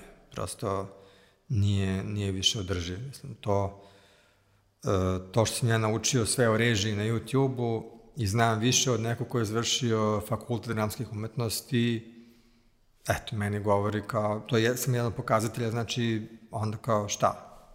Znaš, onda ti taj fakt služi zbog nekih kontakata praktično. Da bi, ono, mogao da nađeš sutra glumca za film. To je sve. Dobro, to je neka korist, ali da li vredi ono žrtvonja koliko godina, pet godina, četiri? Pa da. Kad sve se stavi, malo pre smo spomenuli startup frame i tvoje učešće tamo, otkud ti u toj priči? CEO Frame-a, Nikola Božinović, čovjek je genije i on me je, ja sam ga upoznao preko Milana Strongmana i nešto sam malo pomagao oko njegovog prethodnog startupa, to je bila neka firma koja se bavila uh, obradom slike. Odnosno, video, uh, ima, imali su neki software koji uh, loš video možda enhance tako da bude prepoznatljiviji, tipa Kamere, sigurnosti. Kamere, sigurnosti, da, pa sad neke tablice su nevidne na snimku, pa pomoću tog softvera mogu se vide brojevi na tablicama i tako dalje.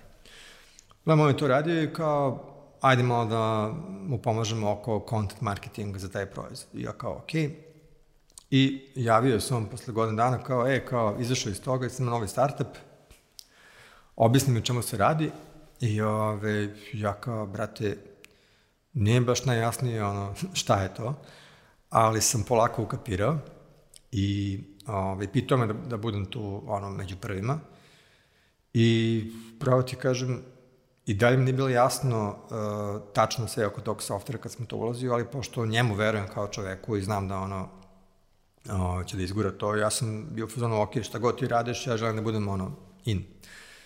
Uh, I tako sam to počeo. I tu sam stvarno dosta naučio, bio uh, više puta u toj čuvenoj Silicijanskoj dolini, skonto kako tamo sistem radi, kako ljudi razmišljaju, kako funkcionišu svi ti startupi, investitori, VC-evi, ove, shvatio da to nije ni približno onako kao što izgleda iz daleka, znači da tu prosto ima taj sistem neka sva pravila.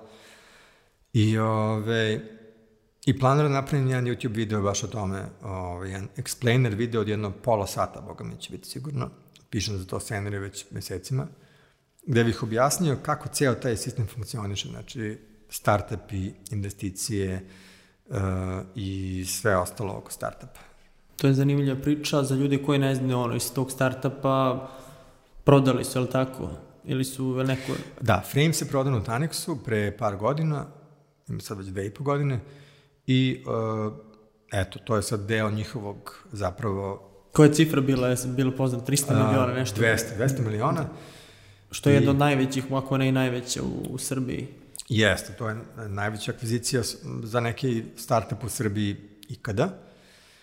Ove, i, e, I eto, to je, mislim, super priča jedna, ja sam tamo puno ljudi upoznao i sad imam jako puno samopouzdanja da mogu da radim bilo šta što je tog e, nivoa nekog kompleksnosti.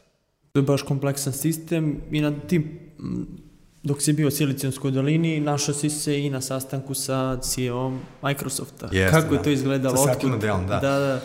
A, to je došlo, do toga je došlo tako što je on poslao Nikoli e-mail uh, sa željom da se sastanu, da on lično vidi kako taj software radi. Uh, I naravno, sećam se, bio sam taj dan, uh, jeo sam neki burrito kod nekih Meksikanaca tamo u Kaliforniji i jedem je taj burrito i šaljem Nikola ove, poruku kao, e, pazi, pazi kom je pisao. I, ove, i ja da vidim kao šta je kao mail od Satina Dele. Ja rekao, ma neko troluje kao neko zeza. Ne kao, brate, on lično kao proverio sam njegov mail.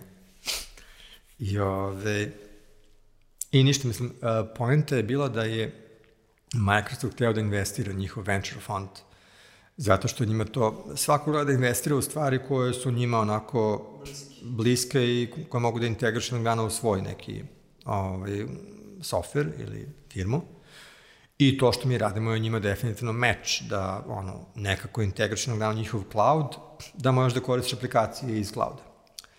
Tako da ovaj čovjek je ono, nešto našao se. Mi smo se našli u ovaj, San Francisco u centru, u jednoj prostoriji Microsoft Ventures, to je posebna firma koja je samo uh, fond Microsoftu koji investira u druge startupe i ovaj, i sedeli smo ako za stolom jedno, šta ja znam, sat i po, ovaj, kao što sedim sad s tobom, mislim, šta ja znam, posle, posle dva minuta već zaboraviš da je to sad kao ono, wow, satirna dela kao najmoćniji lik u Microsoftu. Uh, ali skroz je ok lik, onako sve vreme ima neki onako osmeh na licu, deluje kao neki indijski guru ovaj, koji meditira. Kao Robin Sharma. da, da, da. I ove, ništa ima je ono pitanja kao da vidi kako to radi, a šta se dešava ako ti zaklopiš laptop, a šta se dešava ako sad isključiš. Znači da vidi prosto, znaš, kako to radi u radnim situacijama, kako se ponaša. I, ove, I mi smo to demonstrirali, Nikole, naravno ja sam bio taj koji klik će pokazao, a Nikole je pričao taj biznis deo i, ove, i to je to. Eto. Priča, znači, najmoćniji čovjek Microsofta nakon Burita. Da. Odlična stvar. A, kad pričamo o neuspesima, da li imaš neki neuspeh koji ti je kasnije doveo te do nekog uspeha, neki neuspeh koji ono slaviš, kažeš, ej, da nije bilo, da ovde nisam kiksno, ne bih došao sad ovde. Jel imaš neke, možda da izdvojiš? Pa imam jedan onako, to bih nazvao nizom, uh, ne neuspeha, nego... Uh, Pokušaj. Uh, loš put kojim sam krenuo. Uh, znači, ja sam krenuo uh, ovim poslom da se bavim tako što sam radio sajtove za razne klijente. I to je u stvari bila dugoročna greška, jer sam shvatio u nekom trenutku uh, ok, ja sad ono, ja sam neki servis, znači, koliko god, ja to što radim bilo je super interesantno i kreativno i super sam zarađivao i sve. Ove, ali nije mi to održivo sad da mene neko angažuje da im napravim nešto uh, zanimljivo i plati me za to. I kad mi daju te pare, ja potrošim te pare i opet ništa. I tako na repeat. I kao dokle tako. Mislim, plus što uh, taj posao je počeo onako i da me smara, znaš, dešavalo mi se kao i svim freelancerima, ono, prihvatiš više posla nego što može da uh, ispuniš i onda ono klasično zovu te na telefon, ovaj, psuju te zašto kasni, probio si rokove, klepećemo ti penale, tamo vamo, znači sve ono klasika. I generalno pretvorili se to jedan onako neodrživi sistem koji sam shvatio da ne može da funkcioniše i to je jedan razlog što sam u stvari krenuo da istražem internet marketing iz jednog drugog ugla, znači iz, iz, iz domena jednog skalabilnog biznisa. I to mi je... Jesi tu naučio šta je skalabilnost? Kaže, ovo je primjer nečega što nije ska, e, skalabilno. Pa, na, da, naučio sam skalabilnost, zapravo nisam znao da se tako zove, ali uh, prva, prvi termin koji sam zapravo uzeo da jurim jesu pasivni prihodi koje su vrlo, vrlo povezane sa skalabilnošću. Znači, nije to isto, ali definitivno postoje neka korelacija. I uh, pasivni prihodi u smislu, to mi, to mi je tad bilo jako jednostavno da ukapiram. Aha, imaš neki sajt, tu dolaze ljudi, klikću i kupuju nešto i ti odeš na spavanje, kad se probudiš vidiš da si zaradio dok su ljudi klikali dok ti spavao. I to sam se onda postavio kao, ok, meni je sad cilj Jedini cilj u životu je da otkačem sve moje klijente i da imam uh, u svom vlasništvu te generatore pasnih prihoda. I to se vremenom desilo. Ove, ja, ja nisam radio za klijente, ne pamtim, znači ima sigurno 10 i više godina. Ove, sad sam ponovo počeo da radim za neke klijente koje ja odaberem čisto, uh, zato što mi trebaju dobri case-evi na kursu. Uh, jer ove, ako ja podučavam ljude marketing, ipak moram da idem tu i tamo da pokažem nešto što je rađeno ono prosto ove godine, znači neka kampanja uh, za nekog klijenta. Ali to mi je sad super zato što, ono, uh, ja biram s kim ću da radim i uradim neki projekat i više tim ne bavim i onda, ono, i onda pokažem, evo sad, case, kako je rađen landing page, reklama, video, Ove, znači, iz tih razloga sad radim za klijent da bih imao prosto da pokažem. Ali ovaj, taj, deo, taj deo života kad sam morao da radim za klijente, to mi je bio pakao. Iako je bilo jako lepo i sve, ali nikad više. Znači tu si rekao, a se sećaš možda ko je prvi ono bio generator tog pasivnog prihoda, šta si prvo radio, šta si napravio da? To je, to je priča koju sam pričao uh, nekoliko puta, evo nije loše da ljudi čuju ovaj, koje već čujem veze. Znači, moj, moj prvi generator pasivnih prihoda bio je jedan sajt sa mađioničarskim trikovima, odnosno konkretno jedan jedini trik.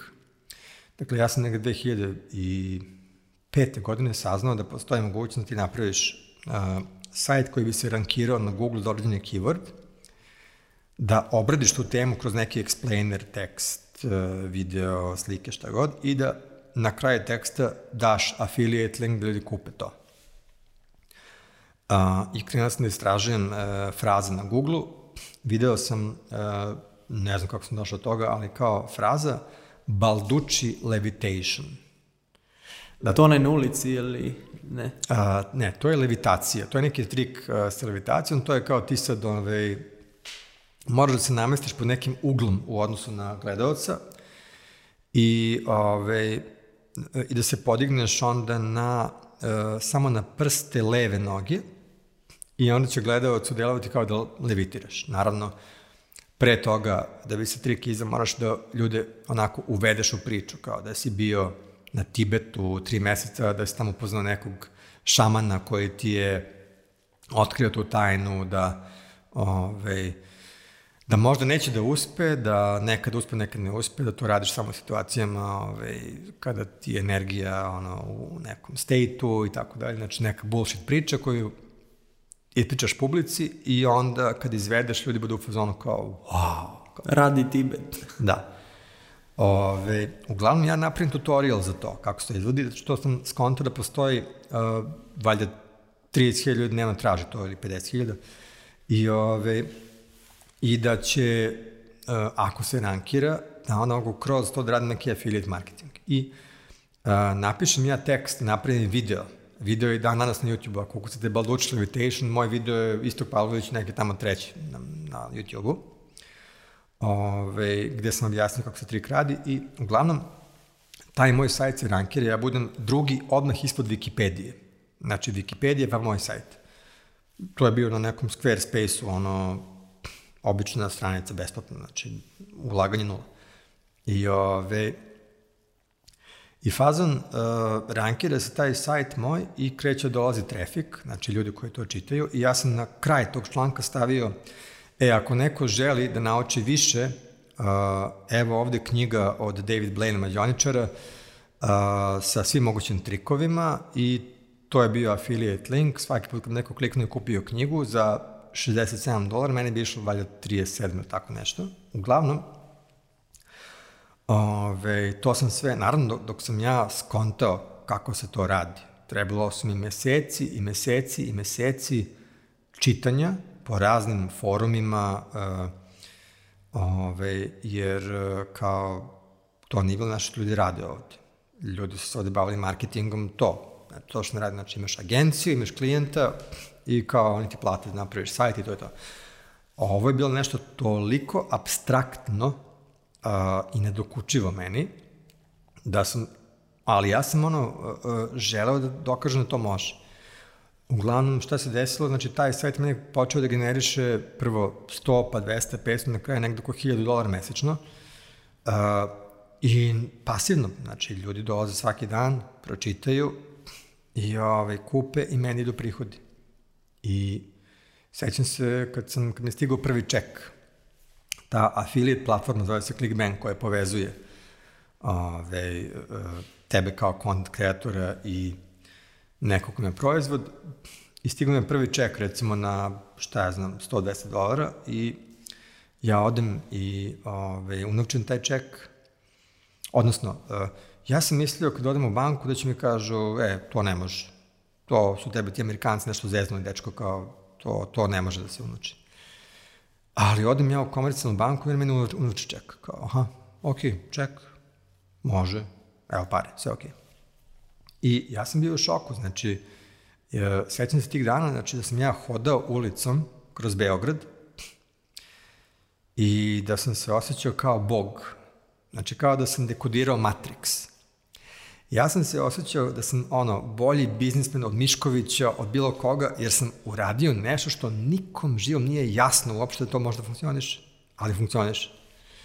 Ove, I iako sam ja tada već zarađivao uveliko mesečno po 3-4 hiljade eura od pravljena tih sajtova, ove, meni je tih 100 dolara Najslađih. bilo uh, kao da sam zaradio milion jer su to bile prve pasivne pare koje sam zaradio.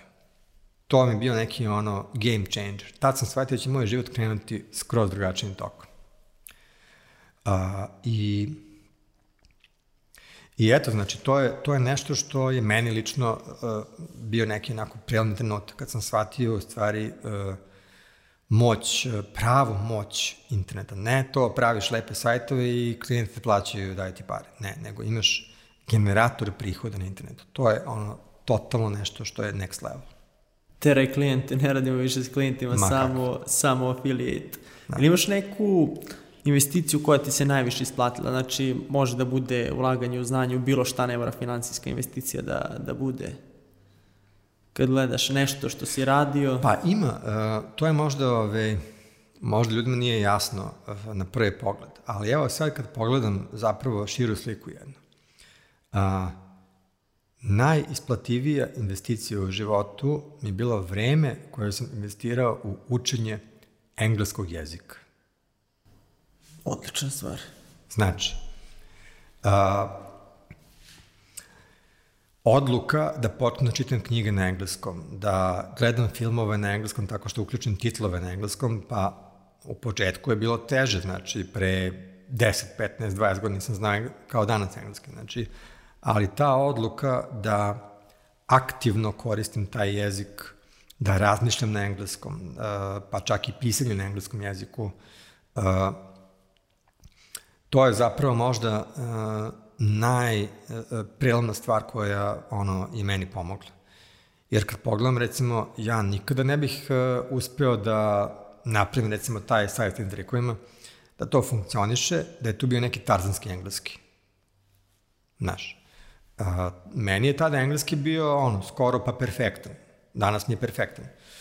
A, I možda sam grešio sa onim članovima E, D i to u tom trenutku, ali nije bilo nešto da neko sad ode sa sajta i kaže da je ovo nešto što je Tarzan pisao. Um, I, ove, I generalno, eto, onda i sam, sam odlazak u Ameriku, mislim, znaš, ipak ti kad pričaš na engleskom koji je ono skoro pa native, uh, ljudi nekako više cene to što pričaš, ipak ono, znaš, imaš bolju prođu svuda, znaš.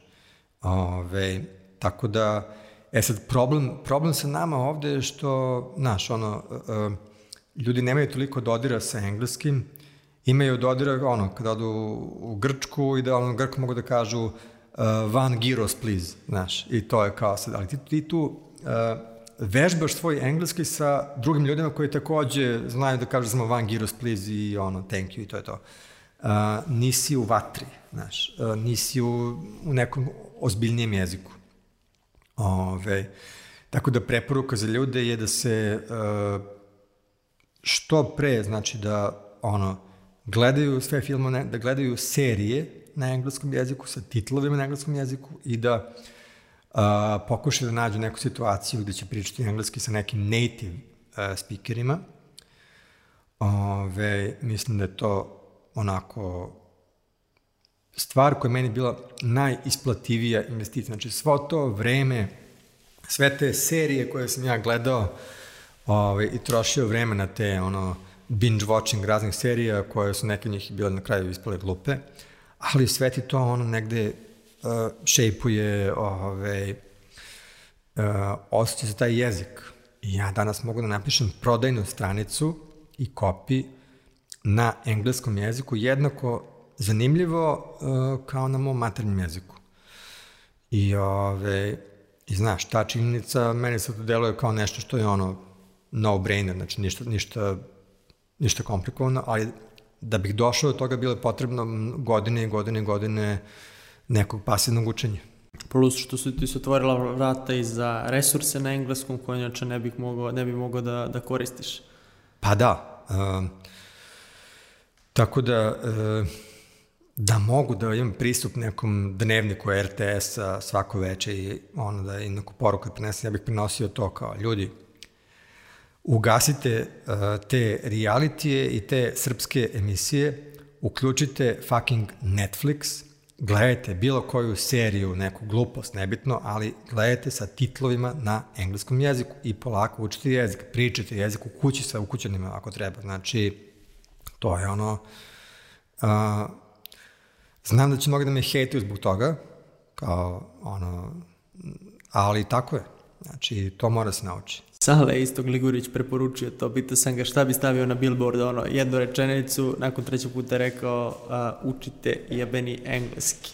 Pa da. Tako da ne, posebno za, za mlade ljude koji ulaze, ono, ne, nema bolje investicija, realno ljudi, ne trošite vreme, imate gde ono da, da uložite, engleski skroz druga dimenzija.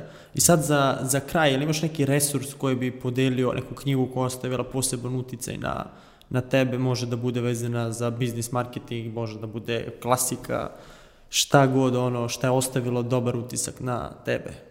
A misliš da bi trebalo da pročitaju ili pogledaju gledoci, slušalci podcasta Biznis priče? Pa, ako bi to bila jedna knjiga... Mogu i više, slobodno. Um, Sad ćemo, spisak postoji. Ima jedna dobra knjiga.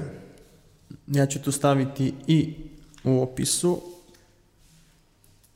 Znači, stiže jedna dobra knjiga.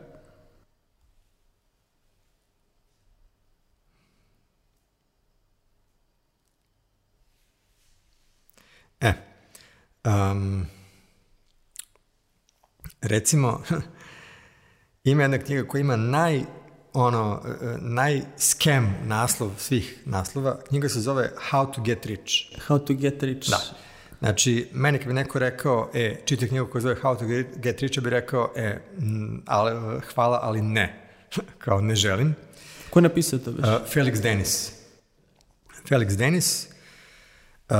Felix Denis uh, je, uh, mislim, on nije neki bezveze lik. Znači, to, obično te te knjige, ono, How to get rich, pišu ljudi koji nisu rich, nego pokušavaju da se obogate prodajući knjigu How to get rich. Međutim, on je baš iz inata uh, tome napisao knjigu koja se baš zove tako i ove, ovaj, on je niz, niz firmi uh, napravio. Ja sam pokušao da nađem ne, nešto njegovo što je prepoznato kod nas. Razne, razne časopise, uh, ove, za kompjutere, recimo PC World. Ove, Mislim da znam, da, da. Da, uh, da. Uh, Maxim magazin, evo. Znači, lik je ono, bio jedan serijski preduzetnik koji je štancao te časopise, ono, 80. godina i tako dalje. I, ove, I on je recimo napisao jako dobru knjigu o tome, ti iz njegovog mindseta možda naučiš zapravo to, uh, zašto ljudi prave firme. Znači, niko, uh, niko od tih ljudi koji uh, su već iskusni ne pravi firme da bi zaradili, nego da bi tu firmu prodali. Uh, a zarada, ono, se podrazumeva, mislim da će da ide, da će da ta zarada na 10.000, 20.000 i koliko god, Ove, to je manje bitno. Znači, tu, tu shvatiš taj mindset ljudi koji uh, prave firme da bi ih nekom prodali iz nekog razloga. I ono, to je recimo uh, sve, ovo, sve ove mantre koje se pričaju po ovim knjigama za startupe i to, to se može i kod njega naći, on to priča na jedan jako duhovit način, on je onako bio vrlo ovaj, uh, čudan i problematičan lik, onako umeo je da bude ove, i pravio puno grešaka i tako dalje. Ja volim da čitam knjige od tih ljudi koji ono, nisu bili baš uh, Znaš, nisu donosili sve ono, onako prave odluke i imali su neke malo onako bubice u glavi, a da su opet bili uspešni.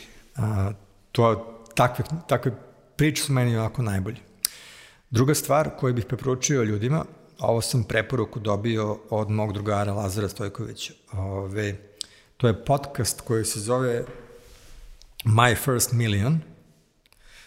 Ove, ima ga na, ja ga imam ovde na, na podcastima na iPhone-u.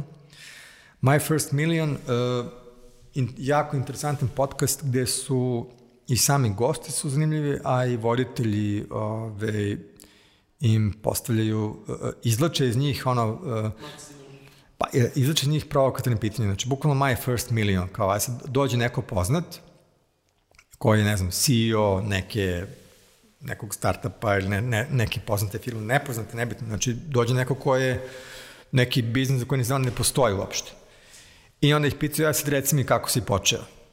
I onda iz njih izvuku neke ono najluđe priče tipa da su ono ne znam, da, da bi stekli prvih 100 korisnika su tamo nešto fejkovali, falsifikovali, buđili, znači razne neke priče, ono za koje kažeš ok, ove, uh, ovde naučiš ono kako ljudi igraju po nekim ivičnim pravilima igre i ono, uspeju da dođe do nekih rezultata, znaš, kao, jako interesantno. To je na listi, ne znam za vas, ja ću ovo već danas krenuti da čitam ovu knjigu, tako da slobodno ako imaš, pošto vidim da imaš neki spisak, gde, gde čuvaš te knjige, preporuke? E, ne, nema spisak, nego sam otvorio telefon samo da, ove, da vidim te neke činjenice da ne pogrešim. Ove, a, to bi bile, eto, kao neke dve preporuke. Um, YouTube kanala gledam posle vreme, ali svi su vezani za neku video produkciju, to sad mnogim ljudima da to nije interesantno, verovatno. Uh, da, uh, ono što bi definitivno preporučio svakom da gleda na YouTube-u je ovaj, uh, kanal koji se zove Vox. Uh, Vox ima trenutno najbolje te neke explainer videe uh, i njihov stil uopšte njihov stil pričanja priče kroz video je po meni ono nešto što je standard. Ove, tako da eto, neka tri, tri formata, knjiga, podcast i video. Neka Kraj, hoćeš nešto da kažeš o Masterboxu? Pa mogu da kažem, eto, da je Masterbox sada postao od pre godinu dana nešto više od toga da samo Ivan Build i ja tu predajemo mi smo zapravo rešili da napravimo toga nešto kao što je on američki master class ili Skillshare, da ljudi sada mogu tu da dođu, da kupe pretplatu i da gledaju sve kurseve, znači ne samo mene Ivana, već niz ljudi koji su razni profesionalci iz raznih oblasti i da tako to koriste. I mislim da je to definitivno najbolji model učenja trenutno koji postoji da je jako dobar suplement uz fakultete, da sve ono što ljudima nedostaje na fakultete mogu tamo da ostvari dobiju. I to je generalno feedback koji dobijamo od ljudi. Znači, ja mislim da sam screenshotovao jedno 20 puta komentar od ljudi sa ekonomskog fakulteta koji su marketing završili, koji kažu... E, Dođi da predaješ. Ne, nego kao ja sam na ovom kursu za nedlju dana naučila više nego na cijelom mom ekonomskom za pet godina. To je ono, bukvalno rečenica, znači ta rečenica se ponavljala toliko puta da ono mogu da već da zapišem u kovertu da će neko sledeći ko dođe sa ekonomskog marketing i upiše to da će da napiše baš taj komentar. To je, to je smer marketing, naravno. Ali razlikuje se, znaš, samo da, evo za kraj da kažem, ja sam jednom probao ovaj, online da uradim neki kao test koliko poznajete marketing. Ali test je radio taj neki kao ono, of, oficijalni fakultet za marketing, ne znam koji. I ja kao je baš da znaš koliko ja poznajem taj kao uh, akademski marketing. Krenu neka pitanja, ja rekao, brate, ja nemam pojma ovo. Ne, uh, kao pitanje, uh, u, u Hoffman-Friedenovoj matrici uh, kupaca uh, šta znači četvrti kvadrant uh, u, uh, ne znam, toj toj formi. Ja kao, ok, nemam pojma. Tere dalje. Ja sam tu imao nešto tipa uh, od 100 poena možda 40 sam jedan, ali nekako ove, tako da to su očigledno neka dva sveta koja su se razdvojila, znaš, kao ono, kao neka epska priča, neka dva sveta koja su se nekom trenutku razdvojila i svako krenuo da se razvija neki svoj način. Ali mislim da taj kurs predstavlja neki, eto, most uh, od ljudi koji su u akademskom svetu, most ka nekom praktičnom uh, znanju praktičan znanja, ljudi imate preporuku za Masterbox. Istoče, hvala što si bio gost podcasta Biznis priče. Odlična priča, prešli smo sat hvala i po, ali ono, ostavit ćemo nešto i za, za sledeći put, ali smo obradili dobre teme, tako da nemojte zameriti zbog anglicizama. Kaže, brišemo komentare, tako. Šalim se, odlična priča, još jednom hvala ti što si bio gost, pa se vidimo u nekom narednom podcastu. Hvala tebi, vidimo se.